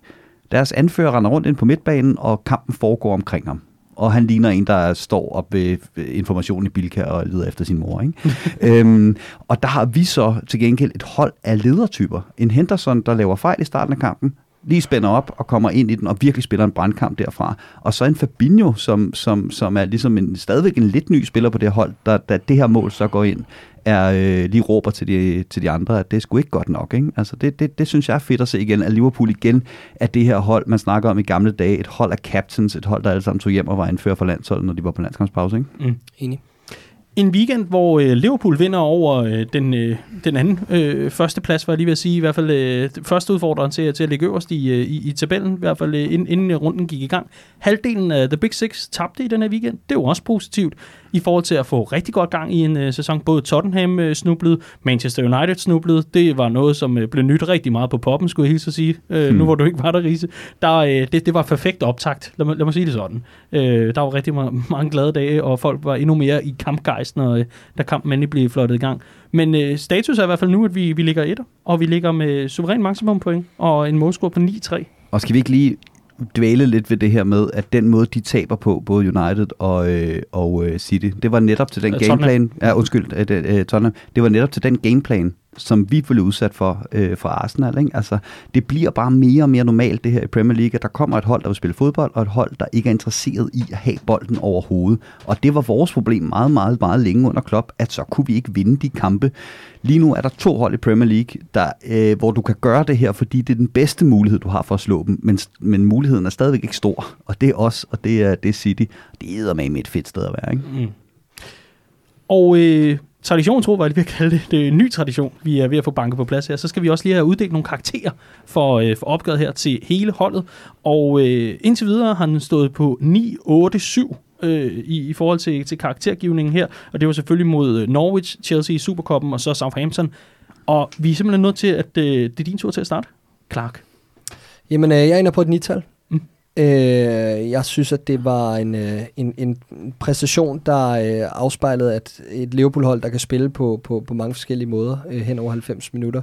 Øh, I første halvleg, som sagt, var jeg, var jeg sådan lidt... Øh, jeg var ikke nervøs, men jeg, jeg, jeg sad og ventede på, at øh, vi, vi har måske ikke gearet i dag, og ved pause tænker jeg, 1-0, fint nok og sådan noget da vi så kommer ud til anden halvleg, der blev jeg virkelig imponeret. Jeg blev imponeret over, at det lå til, at vi havde sparet os, og vi faktisk havde så meget overlegenhed over os, at vi kunne, vi kunne skrue op i sådan en klassisk topkamp i Premier League, og det viser for mig, for mig at, vi, er, at, at vi har et niveau eller to på Arsenal. Så jeg, øh, jeg var rigtig imponeret, og kun lige den sidste ris i lakken der hen mod slutningen med reduceringen øh, trækker os fra, fra, hvad jeg ville have sagt var et tidligt tital denne sæson. Mm-hmm.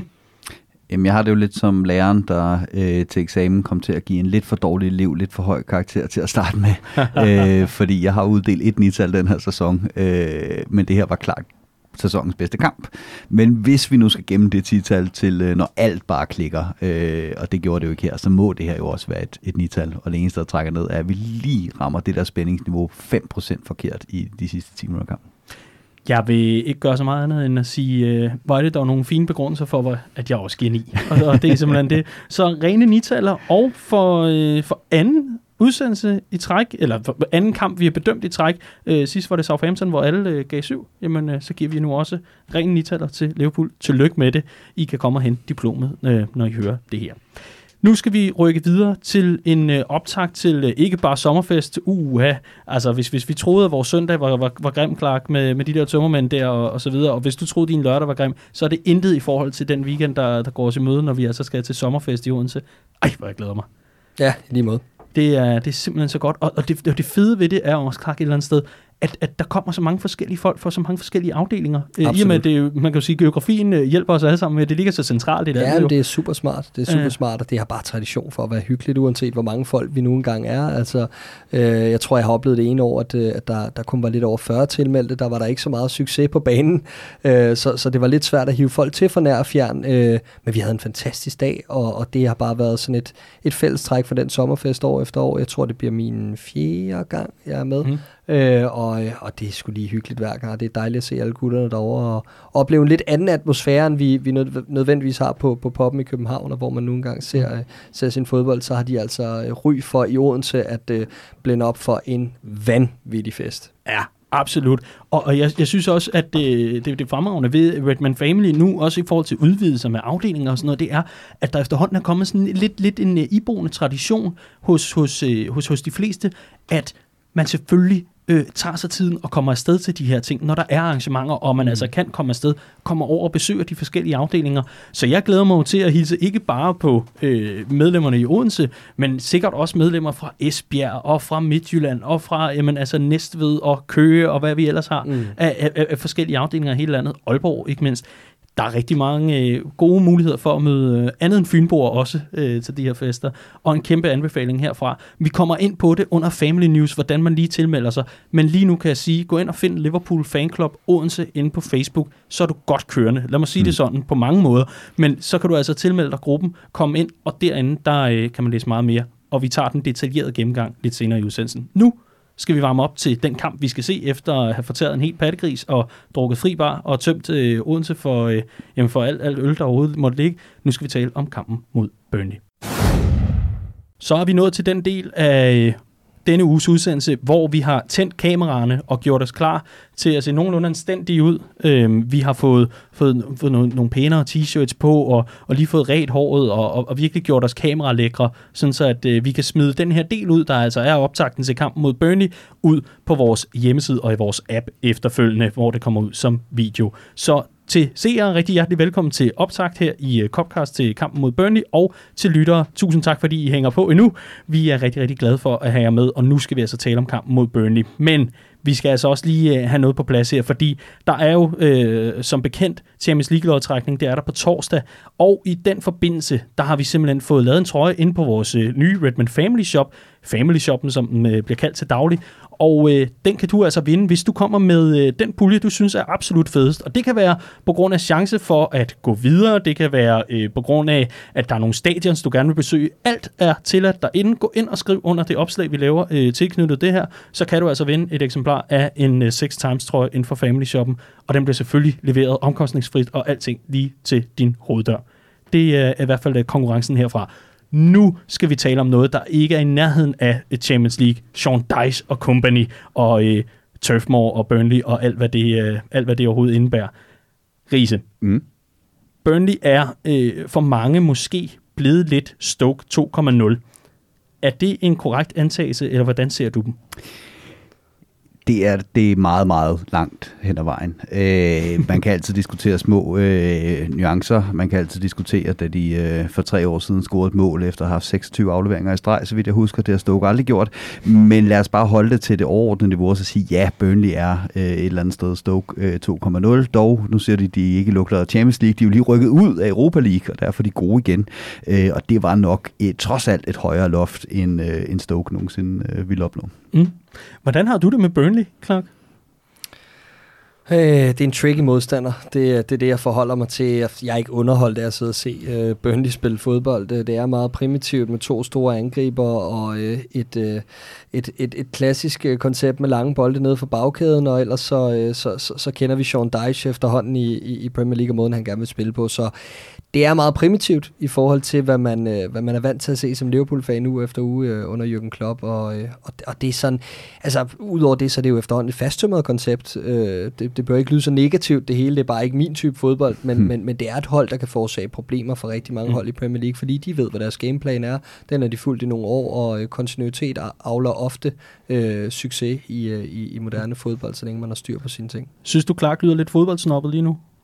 Øh, jeg synes, han lyder lige tilpas øh, fodboldsnoppet, øh, vil jeg sige. Øh, fordi jeg, jeg, meget mere er der vel ikke at sige til, til Burnley. Og et eller andet sted øh, skal vi også passe på, at vi ikke er de her øh, topholdstyper, øh, der sidder med vores hold til 3 milliarder og, og siger, hvorfor spiller de ikke noget mere øh, Tika og Burnley. Man kan kun tage hatten af for, hvad de har opnået med meget, meget, meget, meget små ressourcer og, og øh, et, et langt blueprint, som Clark er inde på. Ikke? Altså, at, at det her det er altså et hold, der køber deres spillere i, i en alder af 27 for Championship og bare bliver ved med med at gøre det godt.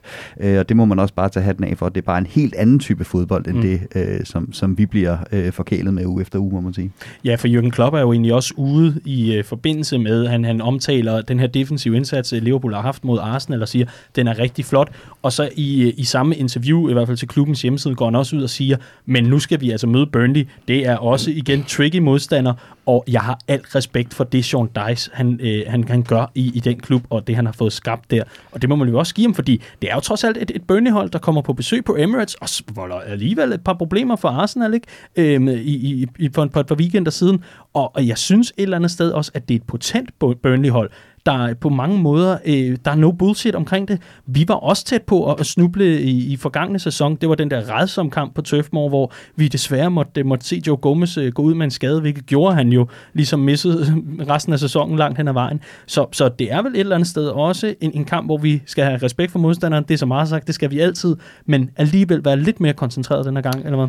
Ja, jeg er helt enig. Uh, en kamp, hvor vi også kommer bagud i øvrigt uh, mm. på, på Turf Moor, et sted, hvor vi også har tabt under Jürgen Klopp uh, i en af de mest frustrerende forestillinger, jeg har set i starten af 2016-17 sæsonen, hvor at uh, Liverpool blev det første hold i Premier League-historien med over 80% boldbesiddelse, der ikke vandt en kamp, taber 2-0 den dag og fik intet til at fungere. Uh, men modsat dengang, Øh, der synes jeg, at Burnley har fået nogle andre instrumenter at spille på. Det er faktisk mm. et hold, der har udviklet sig spillemæssigt. Lægger et af de højeste pres i Premier League. Øh, og det er, det er noget, der bliver overset en lille smule, synes jeg, fordi øh, det var faktisk noget af det, der virkede for dem mod Arsenal i forrige weekend, er jo nærmest død uheldige med ikke at komme fra, fra Emirates med et resultat. Øh, skaber 18 afslutninger ned mod Arsenals øh, bagkæder. De kan altså godt tro, de har hold, der gerne vil spille ud ned bagfra. Øh, og det er noget, man har bygget på, fordi dengang mod Liverpool øh, på Turf Moor, der stillede, man altså, der stillede man sig bare ned på kanten af eget felt, og så ventede man bare på, at, øh, at Klopp og company løb lige ind i kniven. Så, øh, så et, et Burnley-hold, der har lidt mere, end hvad øjet nødvendigvis lige ser, og et hold, der faktisk også skabte problemer for os, da vi mødte dem tilbage i marts måned på Anfield. Det var også en kamp, hvor vi kom bagud til dem, øh, mm. øh, direkte på hjørnesparket i, i den kamp. Øh, fuldstændig øh, latter et mål. Ja. Øh, men, men, men et hold, der er sådan lidt tricky, og, og ikke nødvendigvis ligger helt fantastisk til, til nogle af topholdene. Mm. Lad os lige få genopfrisket Burnley. Øhm, lad, os, lad os lige høre, hvem, øh, hvem, hvem er det, de har som en del af truppen, som øh, vi skal holde øje med i den her kamp? Er der nogen andre end, øh, end Ashley Barnes? Der må der være et par stykker. Ja, men altså, Gameplanen er Ashley Barnes på toppen ved siden af Chris Woods, og det er to store klipper der. Det er sådan ret klassisk engelsk 4-4-2, det her med at have to angribere, der egentlig supplerer hinanden godt på den måde, at det ikke er en lille øh, og, øh, eller en stor og langsom og en lille og hurtig. Det er to rimelige, ikke nu skulle jeg til at sige komplette, det mener jeg ikke, øh, men, men, men altid angriber på den måde. Man kan slå bolden op på begge to, og de kan begge to tage dybdeløbet øh, og, og spille på skulderen. Øh, men den helt store, øh, man skal holde øje med for, for Burnley, det er venstrefløjen øh, McNeil. Øh, 19 år gammel, øh, har været inde omkring det engelske landshold på den måde, hvor man får lov til at komme med for at, at træne med, øh, fordi det faktisk er en, man tror på øh, på det niveau, også til fremtiden. Øh, det er selvfølgelig også øh, med Gareth Southgates mærkelige øh, affination for unge spillere en mente, men det er virkelig en spiller, der, der kan noget ham her. Øh, og han er selvfølgelig øh, hurtig, han er teknisk, men derudover er han de der 1,83 høj, man skal være for at komme på hold i Burnley. øh, så, så ham vil man helt sikkert øh, skulle lægge mærke til. Burnley har en af de mest øh, ensidige indtil videre øh, angrebsopbygninger i Premier League. 41 procent går ned ad venstrefløjen, øh, som er McNeil her, og så Eric Peters, der er kommet med fra tada, Stoke. øh, og, øh, og, og de to har, har til sammenlagt tre assist, og, og Ashley Barnes deroppe har scoret øh, fire. Så det er ligesom øh, gameplan for Burnley, og det er dem, man skal holde øje med. Mm-hmm.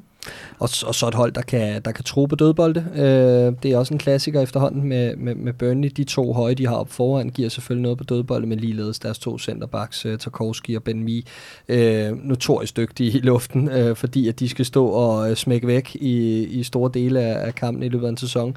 Men ligeledes bare fordi det er, det er et mantra under Sean Deitch, at man skal have øh, nogle stærke nogen nede i bagkæden, der ligesom kan afvise, men ligeledes også skal tro i den anden og give nogle scoringer om året. Mm. Så, øh, så, så et hold, hvor vi skal være opmærksomme på dødbolde og, og også en af de øh, modstandere, vi har haft flest problemer med på dødbolde, på trods af, at vi har forbedret os så meget. Der var det her hjørnesparksmål, jeg, jeg omtalte øh, før, men, men, men ligeledes var der også øh, en, en redning i, i sidste sekund nærmest mm, fra Alisson mm. Becker på Turf Moor sidste år, hvor han er helt oppe i hjørnet og pillet, og bagefter sætter en kontra i gang, der yes. afgør kampen. Så et hold, der er rigtig modbydeligt på, på de her standardsituationer, og det skal vi selvfølgelig være koncentreret om. Og jeg tror, en af, af de ting, Klok kommer til at gå rigtig meget op i frem mod øh, den her kamp, for det kan jeg huske, da han kommer til og bliver mas på hjørnespark hver gang, hvilket Burnley jo rent faktisk gjorde rent øh, bogstaveligt talt øh, sidst vi mødte dem, hvor deres næstlaveste spiller øh, scorer på hovedstød efter, at, øh, at øh, Alison Becker bliver, bliver holdt nede. Øh, men, men der kan jeg huske, det er West Bromwich, vi skal møde, og han er bare træt af West Bromwich, fordi de er så store, og så har de nogle spillere, der kan slå de her hjørnespark på en måde, hvor du ikke rigtig kan gøre noget ved det. Du er bare nødt til at klappe og sige, det er fandme godt lavet. Hvordan forsvarer du dig mod det her? Og der var hans mantra, så må du sørge for, at de ikke får hjørnesparkene. Og jeg kan huske, vi spiller en kamp mod West Bromwich, hvor vi giver dem et hjørnespark hele kampen, og det kommer med fem minutter igen og sådan noget, og Klopp går bananas på sidelinjen over, at vi giver det her hjørnespark væk. Så det tror jeg i meget høj grad bliver, øh, bliver temaet for, øh, for, for den her kamp. Det bliver fuld koncentration omkring, øh, omkring øh, kanterne af banen, baglinjen, sidelinjen. Lad være med at give dem de her muligheder for at kunne spille på de her dødbolde, øh, som de nok er et af de, de værste hold i, i Premier League øh, at spille mod, når det kommer til. Ja, så, så vi har, jeg har i hvert fald personligt måske været en, en, misset et par gange med hensyn til opstillingen og så videre, men jeg tror, jeg føler mig ret sikker på, at Joe Gomez kommer ind som, som højre bak i, i den her kamp. Øh, vi skal dæmme op for en ting af de her situationer, du snakker om, Andreas det er en svær udebane, og især de her dødboldsituationer, når de mm. endelig kommer.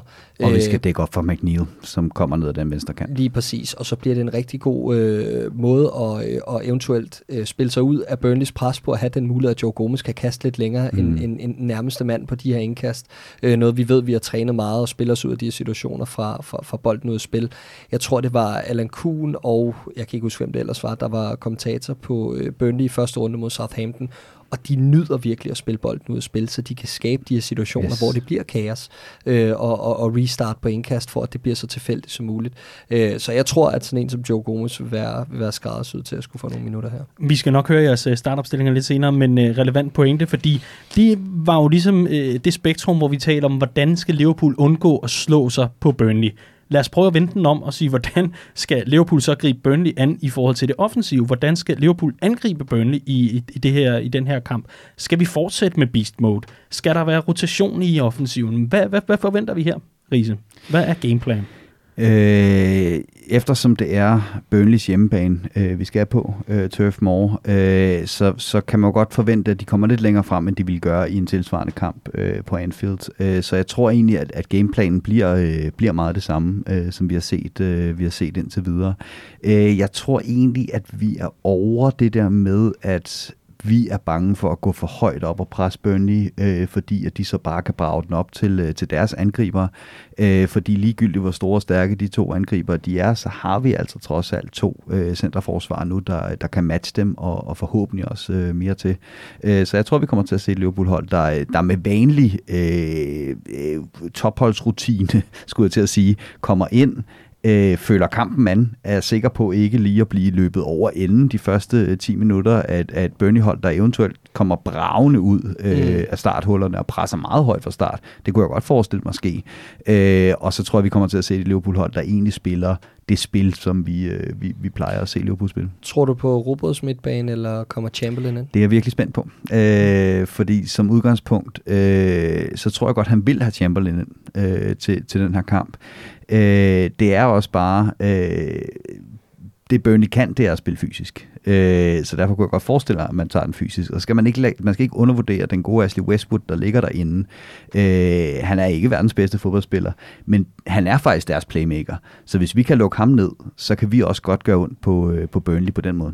Jamen, I har jo nærmest taget hul på det. Skal vi, skal vi have de startopstillinger? Fordi nu, øh, nu efterspørger du, om det bliver robrødsmidtbane eller ej det kunne være interessant at få de startopstillinger. Du har lige en sidste bemærkning. Nå, nej, men grund til at spurgte var egentlig bare fordi, at vi har haft en tendens til mod Burnley faktisk øh, at, at spille med denne her, øh, den her ekstra øh, kapacitet fra midtbanen, der kan noget offensivt. Vi så tilbage på Turf Moor i december, hvor vi starter Naby Keita øh, mm. i en periode, hvor han ikke har spillet mange minutter. Mm, mm. Øh, på Anfield starter vi Lallana ud af ingenting. Øh, det er godt huske, Clark. Ja. Fordi vi, fordi, vi gerne vil, fordi vi gerne vil have denne her ekstra mand, der ligesom kunne, kunne, kunne drive spillet for midtbanen. Og egentlig kunne jeg også godt forestille mig, at man gik ind og matchede dem på fysik og sagde, så kører vi bare videre for Arsenal-kampen. Men noget peger bare i retning af, at han godt kan lide at have den her type spiller mod Burnley. I og med, at det gav succes de sidste to gange, mm. så kunne meget pege den Og så kan man sige, når nu han har Oxlade Chamberlain, så er det jo ikke, fordi han skal gå på kompromis med fysik på den måde, Nej. som han måske skulle med en anden, øh, lidt mere kreativ type. Altså, der er masser af power i, i, i Ox, så det kunne sagtens være, at, øh, at, at det var ham, man gik med i sådan en kamp. Og, og jeg, jeg sidder allerede nu og bliver, bliver sådan en lille smule nervøs for Ox. Nu han endelig kommet tilbage, en ny kontrakt og det hele. Du tror ikke, man vil prøve at passe lidt på ham og, og forsøge for sådan at skåne ham lidt mod et, et Burnley-hold, der jo altså, notorisk er kendt for at være Hvornår meget fysiske. har vi nogensinde fået spillere skadet mod Burnley? Altså. Ja, jeg, jeg synes, jeg nævnte en for et par minutter siden, men, men jeg, jeg, jeg tager din pointe og gemmer den i banken.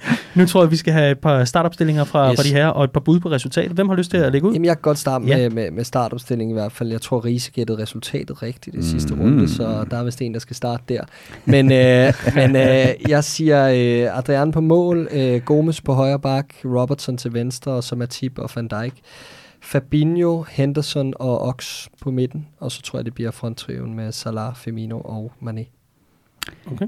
Jeg er enig. Okay. Og ikke noget øh, fysisk slagsmål til en James Milner her? Nej, han kommer ind. Han kommer ind? Mm og, og, og passer lidt på det hele i ja, de sidste 20-30 minutter. Det kommer an på, på resultatet, men meget muligt mm. ham eller Wijnaldum. Ikke? Og apropos uh, resultatet, uh, spokkonen herover eller manden med lottotalen, eller hvad, hvad vi efterhånden skal kalde dig herover, uh, Riese. Hvad bliver kampen? 2-0, Liverpool.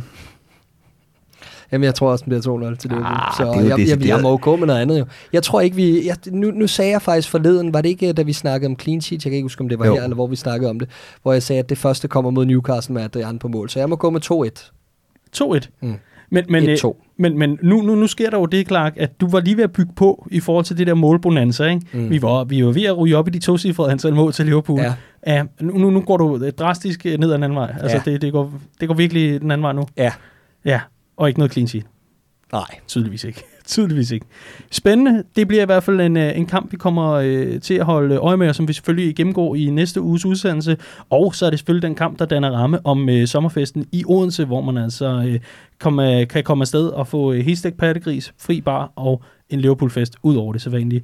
Rigtig god kamp til alle. Nu rykker vi videre til Family News.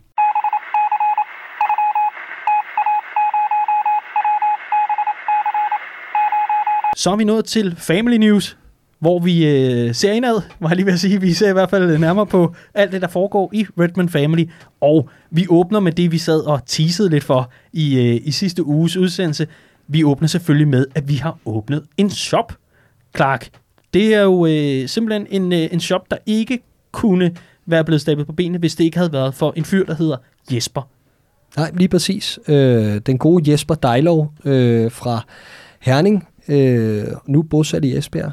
Øh, han, øh, han har altså været så behjælpelig, så han har sørget for, at øh, vi har kunne opbevare nogle ting på hans øh, øh, arbejdsplads til daglig, og, øh, og her har han nogle faciliteter til rådighed, som gør, at han kan trykke tøjet for os, og, øh, og altså øh, være behjælpelig med at sende pakker ud til, øh, til alle de Reds rundt om i landet, der synes, at vi laver nogle fede ting. Mm-hmm. Og, øh, og netop det her med at uh, kunne tilbyde noget andet end det klassiske uh, Liverpool uh, merchandise, fordi guderne skal vide, New Balance har altså lavet nogle, nogle trøjer, man alligevel skal have fyldt garderoben med, men at lave nogle alternativer, der måske er en, en lidt anden prisklasse selvfølgelig, og, og, og noget, som man også kan have på, uh, når man endelig går ud, eller skal til fødselsdag, eller et eller andet andet. Noget, noget der er lidt mere uh, casual, uh, tror jeg det hedder, inden for, uh, for modesprog. Det skal jeg ikke gøre mig klog på. Men, men det har vi jo netop dyrket før i, i det, der hedder That Football Brand, som jeg lavede sammen med to kammerater. Så det er altså ikke nyt for os, det her med at tænke i de retninger. Det var bare, det havde vi lidt ude i byen, og nu vi i stedet for valgt at sige, det kunne være meget federe, hvis det var noget, der var family-baseret, og hvor, når man øh, bestiller, ved at angive sin lokalafdeling, øh, der hvor man altså hører til, hvis man er medlem af Redman Family, udover at kunne spare 20% på hele ordren, jamen så ved at angive ens lokalafdeling, så kan man altså sende et kickback tilbage, ligesom man gør med sine medlemskroner, kan man altså sende et kickback tilbage til ens afdeling, sådan så at afdelingen nærmest øh, tjener penge på, at man bliver velklædt det er sgu da også noget, der er værd at tage med. Jamen, det, det, det går super meget ind i den ånd, der ligesom er omkring hele projektet, øh, og, og det er super fedt det her med, at vi nu kan, altså det, det, er, jo en, det er jo en ting, vi egentlig har snakket om i nogle år, og det kunne være fedt at bygge på. Vi har simpelthen bare ikke kunne løfte opgaven med, med de timer, der var i døgnet. Øh, og nu har vi fået den mulighed, at, at Jesper, som du nævnte før, øh, øh, kan, kan løfte noget af den her opgave for os, og han har super mange øh, øh, idéer og, og en masse frisk på mod i forhold til det her, som, som bare gør det enormt meget federe at lave. Øh, mm. Og som du er inde på, så spiller prisen også ind. Ikke? Øh, det her med, at, at der, der er nogle fanprodukter. Altså, der, der er nogle produkter, som kan... Altså, du kan købe en t-shirt for 160 kroner, hvis du er medlem. Det kan du altså ikke i Liverpool-shoppen. Øh, det giver nogle lidt andre muligheder, hvis du og hele familien skal klædes på til Liverpool-kamp. Ikke? Øh, og så er vi bare så er vi altid lydhør for at, øh, at få nogle forslag ind omkring designs og sådan noget, fordi vi, altså, vi er helt grønne på det område. Det er super fedt at, at, at lave en, en trøje, eller den du sidder i lige nu med, med noget corner taking quickly, origi øh, ja, og, og nogle, altså ref, nogle referencer til, til, nogle, ja. til nogle momenter, som vi som fans har, har delt sammen, og, mm. og sådan noget vil vi lave masser af, og det er jo ikke kun t-shirts, det mm. er alle mulige produkter, så man skal endelig være, være kreativ og, og, og velkommen til at smide forslagene. Ja, selvfølgelig, og så skal vi nok få, øh, få, få gjort, at det, det ser rigtig fedt ud. Øh, kvaliteten er også øh, øh, markant bedre, vil jeg have lov til at sige. Øh, et er, at de bliver produceret i Danmark. Øh, de her t-shirts altså bliver så trygt i Danmark, og bliver også sendt afsted det, fra Danmark. Det betyder en helt anden leveringstid i forhold til, hvad vi har kunnet øh, ikke præstere før, men i hvert fald præsentere før. Og, og, og så er der altså også bare noget med, med, med sådan, øh, følelsen omkring tøjet. Altså det, det sidder sgu egentlig okay på mm. kroppen, og, øh, og vi har nogle produkter, der sidder lidt tættere til, så man kan øh, gå ud og vise verden alle de timer, man ligger i, i Fitness World og omegn, og så kan man også samtidig have nogle trøjer, hvor man, man lige kan gemme, at man måske er på sin 8. 9. fadøl på en aften. Ikke? så, så der er lidt for, til enhver smag. Riese, jeg tænker, du sidder med et eller andet design eller et print op i hovedet, du rigtig gerne øh, vil, vil, vil have, vi laver. Er, er der et eller andet mantra eller noget liverpool vi skal have sat i, i produktion. Som, Hvis som du din... siger okselademand, så er jeg ked af, at øh, så må jeg afbryde udsendelsen. ja, vi, øh, vi, glemmer, vi gemmer til, at han scorer sit første mål, og så laver vi Ox in the Box. Ikke? øh, nej, øh, ja, jeg tænker, øh, Daniel, måske øh, den der kamp mod Leicester, hvor vi kun ryddede sne, det der bælte 10 meter foran, øh, foran deres felt. Ikke? Ja. Fordi det er en kamp, vi alle sammen gerne vil huske. Ikke? 1-1 i, øh, ja. i februar. Ja, altså, der, der, der, der findes normale Liverpool-fans, og så, så er der sådan nogen som dig. altså, jeg stod men, på Anfield, da Harry Maguire hættede den 1-1-scoring ind, og ja, det var både koldt og nederen. Forfærdelig ja. dag. Forfærdelig dag. Lad være med at gøre det i dag. Det er en vildt dårlig idé. Det er en vildt dårlig idé, men øh, Oxalademanden, øh, Darise Edition, meget, meget limited. Faktisk så limited, at den ikke bliver lavet, tror jeg. Men øh, den, bliver altså, øh, den bliver altså sat i shoppen må, må, må vi se. Jeg, jeg tror måske på et eller andet tidspunkt, når han har udstået sin kontrakt, kan det være, at vi kigger på den røde shoppen. Det er design. Okay. Okay, er det, ja. er det okay? Glimrende. Jeg har øh, som lovet lige fundet øh, lidt flere øh, informationer frem om, øh, om den her sommerfest, som vi altså sidder og talt rigtig meget om i udsendelsen, men det er altså bare vigtigt for os her i Redman Family, og nu tillader jeg mig lige, fordi vi er altså under Family News, så det bliver meget, øh, meget internt, og øh, hvis øh, man nu sidder og tænker, oha, den der sommerfest. Nu har du med talt meget om den. Fortæl, hvordan pokker jeg kan komme afsted, så jeg kan møde ligesindet og komme afsted få en rigtig, rigtig god dag. Øhm, manden, der tjekker DMI oftere, end han tjekker sin Twitter, Clark. Øhm, du har en værmelding indtil videre. Hvordan ser det ud på, på lørdag? Ah, men det ser skønt ud. Det, øh, der lå omkring en 3-24 grader og øh, høj sol, så øh, sensommeren lever i bedste velgående øh, på lørdag i Vinsapperstræde i Odense. Pas på, Peter Tanef. Der sidder altså en, øh, der sidder altså en mark over på den anden side af bordet her, der, der altså kan levere en, en, en vejrudsigt, der, der gør jeg glad. Jeg har klikket mig ind på øh, Liverpool Fan Club Odenses øh, Facebook-gruppe, hvor jeg er medlem, og der ligger et øh, fastgjort opslag derinde med en begivenhedslink øh, derinde. Det er nogle gange sådan, at når man laver sine events inde på Facebook, så bliver det desværre gemt inde i grupper, så man kan ikke bare på den måde dele dem ud altid. Men der ligger simpelthen et link derinde, hvor øh, en, en del af formandskabet, Kasper Ryberg, han skriver, at det spidser efterhånden til med tilmeldinger til sommerfesten, men du kan stadig nå at sikre din deltagelse og være med til årets fest. Og så er der altså lodtrækninger om et rejsegavekort på 5.000 kroner til Anfield. Der er eksklusive julekalender med oplevelser i Odense. Det ved jeg ikke, om man nødvendigvis, hvis man kommer langvejs fra, skal gå så meget efter. Det kan være, at man kan bytte sig til noget andet. Hvem ved? Eller også så er der en god undskyldning for at komme over og besøge øh, det fynske igen. Så er der selvfølgelig øh, Golden Sky øl. De smager fortræffeligt. Øh, glimrende, glimrende øl, man kan vinde. Og så er der altså også en bog, som nogen måske har hørt om, der hedder Mentality Monsters. Undskyld, Mentale Monster Europa, Europa, Europa, Europa øh, om øh, mesterskabet, der var lige ved, og så altså øh, Champions League. Og hvad koster det så, spørger du? Jamen for medlemmer, der koster det 199 kroner at være med, og for ikke-medlemmer koster det 299. Der er MobilePay-nummer derinde, det tror jeg ikke nødvendigvis, jeg skal sidde og give ud her i udsendelsen, men jeg kan måske lige nævne, at programmet er kl. 16.30, maden sættes på bordet. Og så er der også fri bar i øl og sodavand, og der er spisning, hygge og sang i gården. 17.45, så er det altså op på øh, den her berømte anden sal, hvor der er plads til øh, 120 mennesker, så det er simpelthen det, der bliver solgt ud af i forhold til tilmeldinger. Vil det så sige, at man ikke kan se kampen, hvis man ikke er en af de 120? Nej, nej, men det betyder bare, at man ikke kan være op på anden salen. Der vil selvfølgelig også bevise kampen på de andre etager. Så kl. 18.30 er der kick-off, og så står der fuld gas med, med, med dobbeltsæt og dobbelt udråbstegn og hele fis. Og så er altså 20.30 slutter fri bar, men så er der afterparty og fri leg, som det hedder. Og øh, tilmeldingen, den skal man altså nå at gøre, inden øh, det bliver lørdag. Så øh, kan man altså være med til kæmpe fest. Så det var altså lige det praktiske omkring det. Liverpool Fanclub Odense ind på Facebook. Tilmeld dig gruppen. Gå ind på eventet. Find MobilePay-nummeret. Send det afsted. Og så send eventuelt gerne lige et screenshot nede i kommentarsporet. Det er der mange, der gør, fordi det er en god måde lige at sige, bare rolig, jeg kommer og repræsenterer X, Y, O, whatever.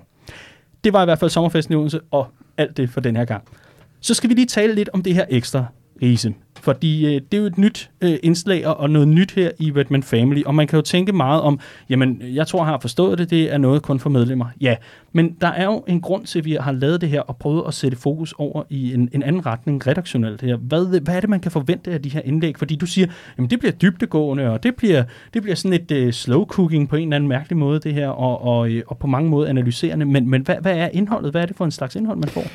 Det er ret blandet, øh, og det er en pointe, at det skal det være. Øh, der er fire forskellige skribenter, der står for det, og vi har hver vores, øh, ja for jeg er en af dem, øh, rimelig øh, øh, forskellige stil. Så første artikel var øh, uddrag for, øh, for den her bog, øh, som vi har udgivet. Andet øh, artikel, eller anden artikel, der kommer i den her uge, det bliver øh, en, der handler lidt om, hvordan fodbold bliver dækket i England, og hvordan er de her øh, journalister, der er tæt på klubberne, bliver mere og mere sådan klubambassadører, mere end øh, kritiske journalister.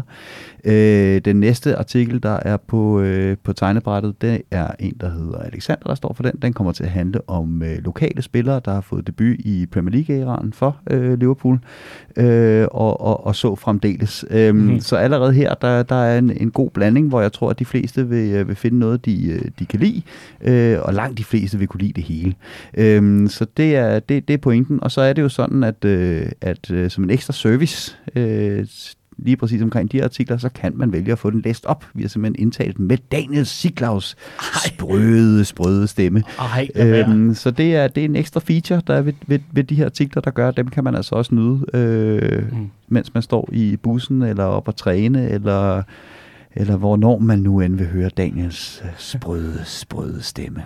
Ja, men altså, det skal jo ikke være nogen hemmelighed. Jeg speaker nyheder til daglig for noget, der hedder Listen to News, hvor jeg kan få lov til, det gør jeg cirka ved en 5.30, øh, 5.45 om morgenen, kan jeg begynde at læse de første trafikuheld øh, i, i Jylland op. Øh, og det er om monsuner og så noget, Trump har gjort med Kina. Det er sådan set det, der er på menuen. Og nu er altså også Esben Surballe og Andreas Brøns Riese og Companies øh, flotte og meget, meget velskrevne artikler.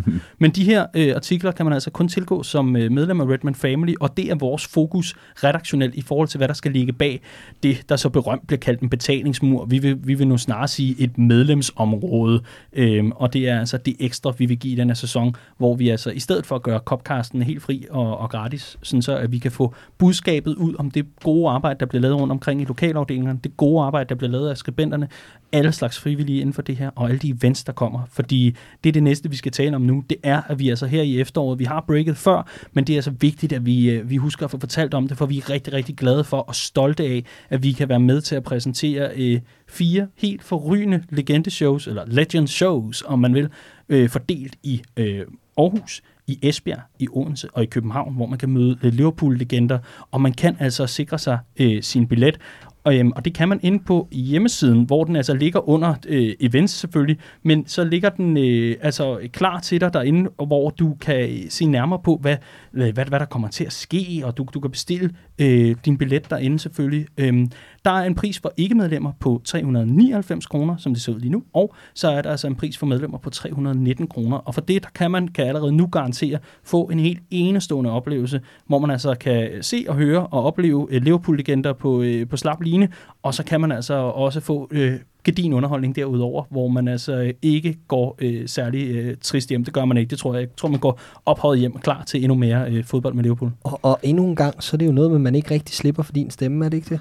det jo, det er rigtigt. Man har simpelthen valgt... Den sprøde, sprøde stemme. Hold kæft, mand. Men øh, det ender med, at jeg sidder og læser trafikmeldinger op på en eller anden dag. Men øh, det er rigtigt, jeg har fået lov til at øh, styre gang i alle fire byer, så øh, jeg, jeg får lov til at komme på tur, og øh, skal altså øh, være rigtig rockstar på et eller andet hotelværelse i Scandic. Det bliver så fedt. Jeg har hørt, at der er en vild minibar. Fantastisk. Er det ikke noget med, at Family dækker? Det må vi lige se på. det, det lugter et nej, det der. Men øh, nok om det. I hvert fald så har vi altså legende shows fordelt over hele landet. Gå ind og find det ind under events på vores hjemmeside, redmanfamily.dk. Og så er der lige to ting mere. Hvis du ikke har downloadet vores app endnu, så synes jeg, at du skal gøre det. Du kan gå ind på både App Store og i øh, Google Play, og der kan du altså finde Redman Families officielle app. Det er derinde, dit medlemskort ligger. Det er derinde, at du kan få det hele lige ved hånden, simpelthen statistikker og alt muligt andet, inklusive vores managerspil. Og det skal lige være en reminder om, husk at gå ind og tjekke dit hold, husk at gå ind og justere. Der er altså øh, rigtig mange gode muligheder for at, øh, at, at vinde point, fordi at andre måske glemmer det. Og så er det i det hele taget bare super sjovt, når øh, så mange som overhovedet muligt er med og har lyst til at være med i, i det her. Og øh, lad os da bare lige for god ordens skyld lige liste op, hvad man er øh, med i, i, i konkurrence om. Altså et rejsegavekort på 5.000 kroner til, øh, til Anfield, en, øh, en god fodboldoplevelse. Så er der en øh, family-trøje signeret af Daniel Akker, og så er der altså et styks Mentality Monsters, stod der i hvert fald i gamle dage. Det er selvfølgelig mentale monstre, Europa og Europa, som man kan vinde et eksemplar af. Og øh, med den, så vil jeg sådan set sige, det var det for Family News for den her gang. Huha, det var godt nok varmt. Var det måske årets sidste sommerdag, ud over den, der kommer ved Odense? Og måske kan vi se frem til at have nogenlunde øh, klima herinde, indklima i studiet. Noget kunne tyde på det. Hvad siger du, øh, Clark Tanef? Øh, jeg tror, der er, der er lige en, en uge med, med, med godt og grundigt sensommervejr. Øh, en bølge af sensommervejr i vente, og så, øh, ja, når vi når mandag, så er det nok forbi. Det er fedt, uh. han har stemme som Tanne for, øh, og tøjstil som, øh, som Voldborg. Obama. Voldborg. du tænker på den der sweater, han lagde, inden han gik ind. Super. Som altid er det en udsøgt fornøjelse at nørde Liverpool og alt muligt andet, alle de retninger, vi går i i løbet af sådan en udsendelse, og det gør jeg altså i selskab med Clark James og Andreas Brøns Riese. Tak for i dag, dreng. Jamen selv tak. Det. det var en fornøjelse. Tusind tak, fordi du tog dig tiden til at lytte med helt hertil. Vi er rigtig, rigtig glade for, at du har lyst til at bruge din tid sammen med os, og vi håber selvfølgelig, at du er underholdt. Kan du lide det, du hører? Endelig gå ud og prik til, til andre, der måske måtte synes, at det også var, øh, var noget for dem. Og ellers, så er du mere end velkommen, hvis du er altså rigtig glad for det, til lige at gå ind under iTunes og alle mulige andre steder og, øh, og stikke en anmeldelse og øh, gerne rigtig mange stjerner efter det her, så endnu flere kan, øh, kan høre om og, og opdage det her. Så kan jeg også lige sige som en øh, bonusinformation, at vi har nogenlunde fået rettet op på det SoundCloud øh, F-op, som altså øh, foregik i forbindelse med første udsendelse, vi lagde op. Og øh, det betyder altså, at man også nu steadily kan finde Copcast inde i Spotify. Så kan den øh, også komme over Sonos og alt muligt andet, tror jeg vist nok. Så der er altså også noget at hente der. Ikke desto mindre, sommerfest i Odense i weekenden. Vi glæder os. Tusind tak, fordi du lyttede med.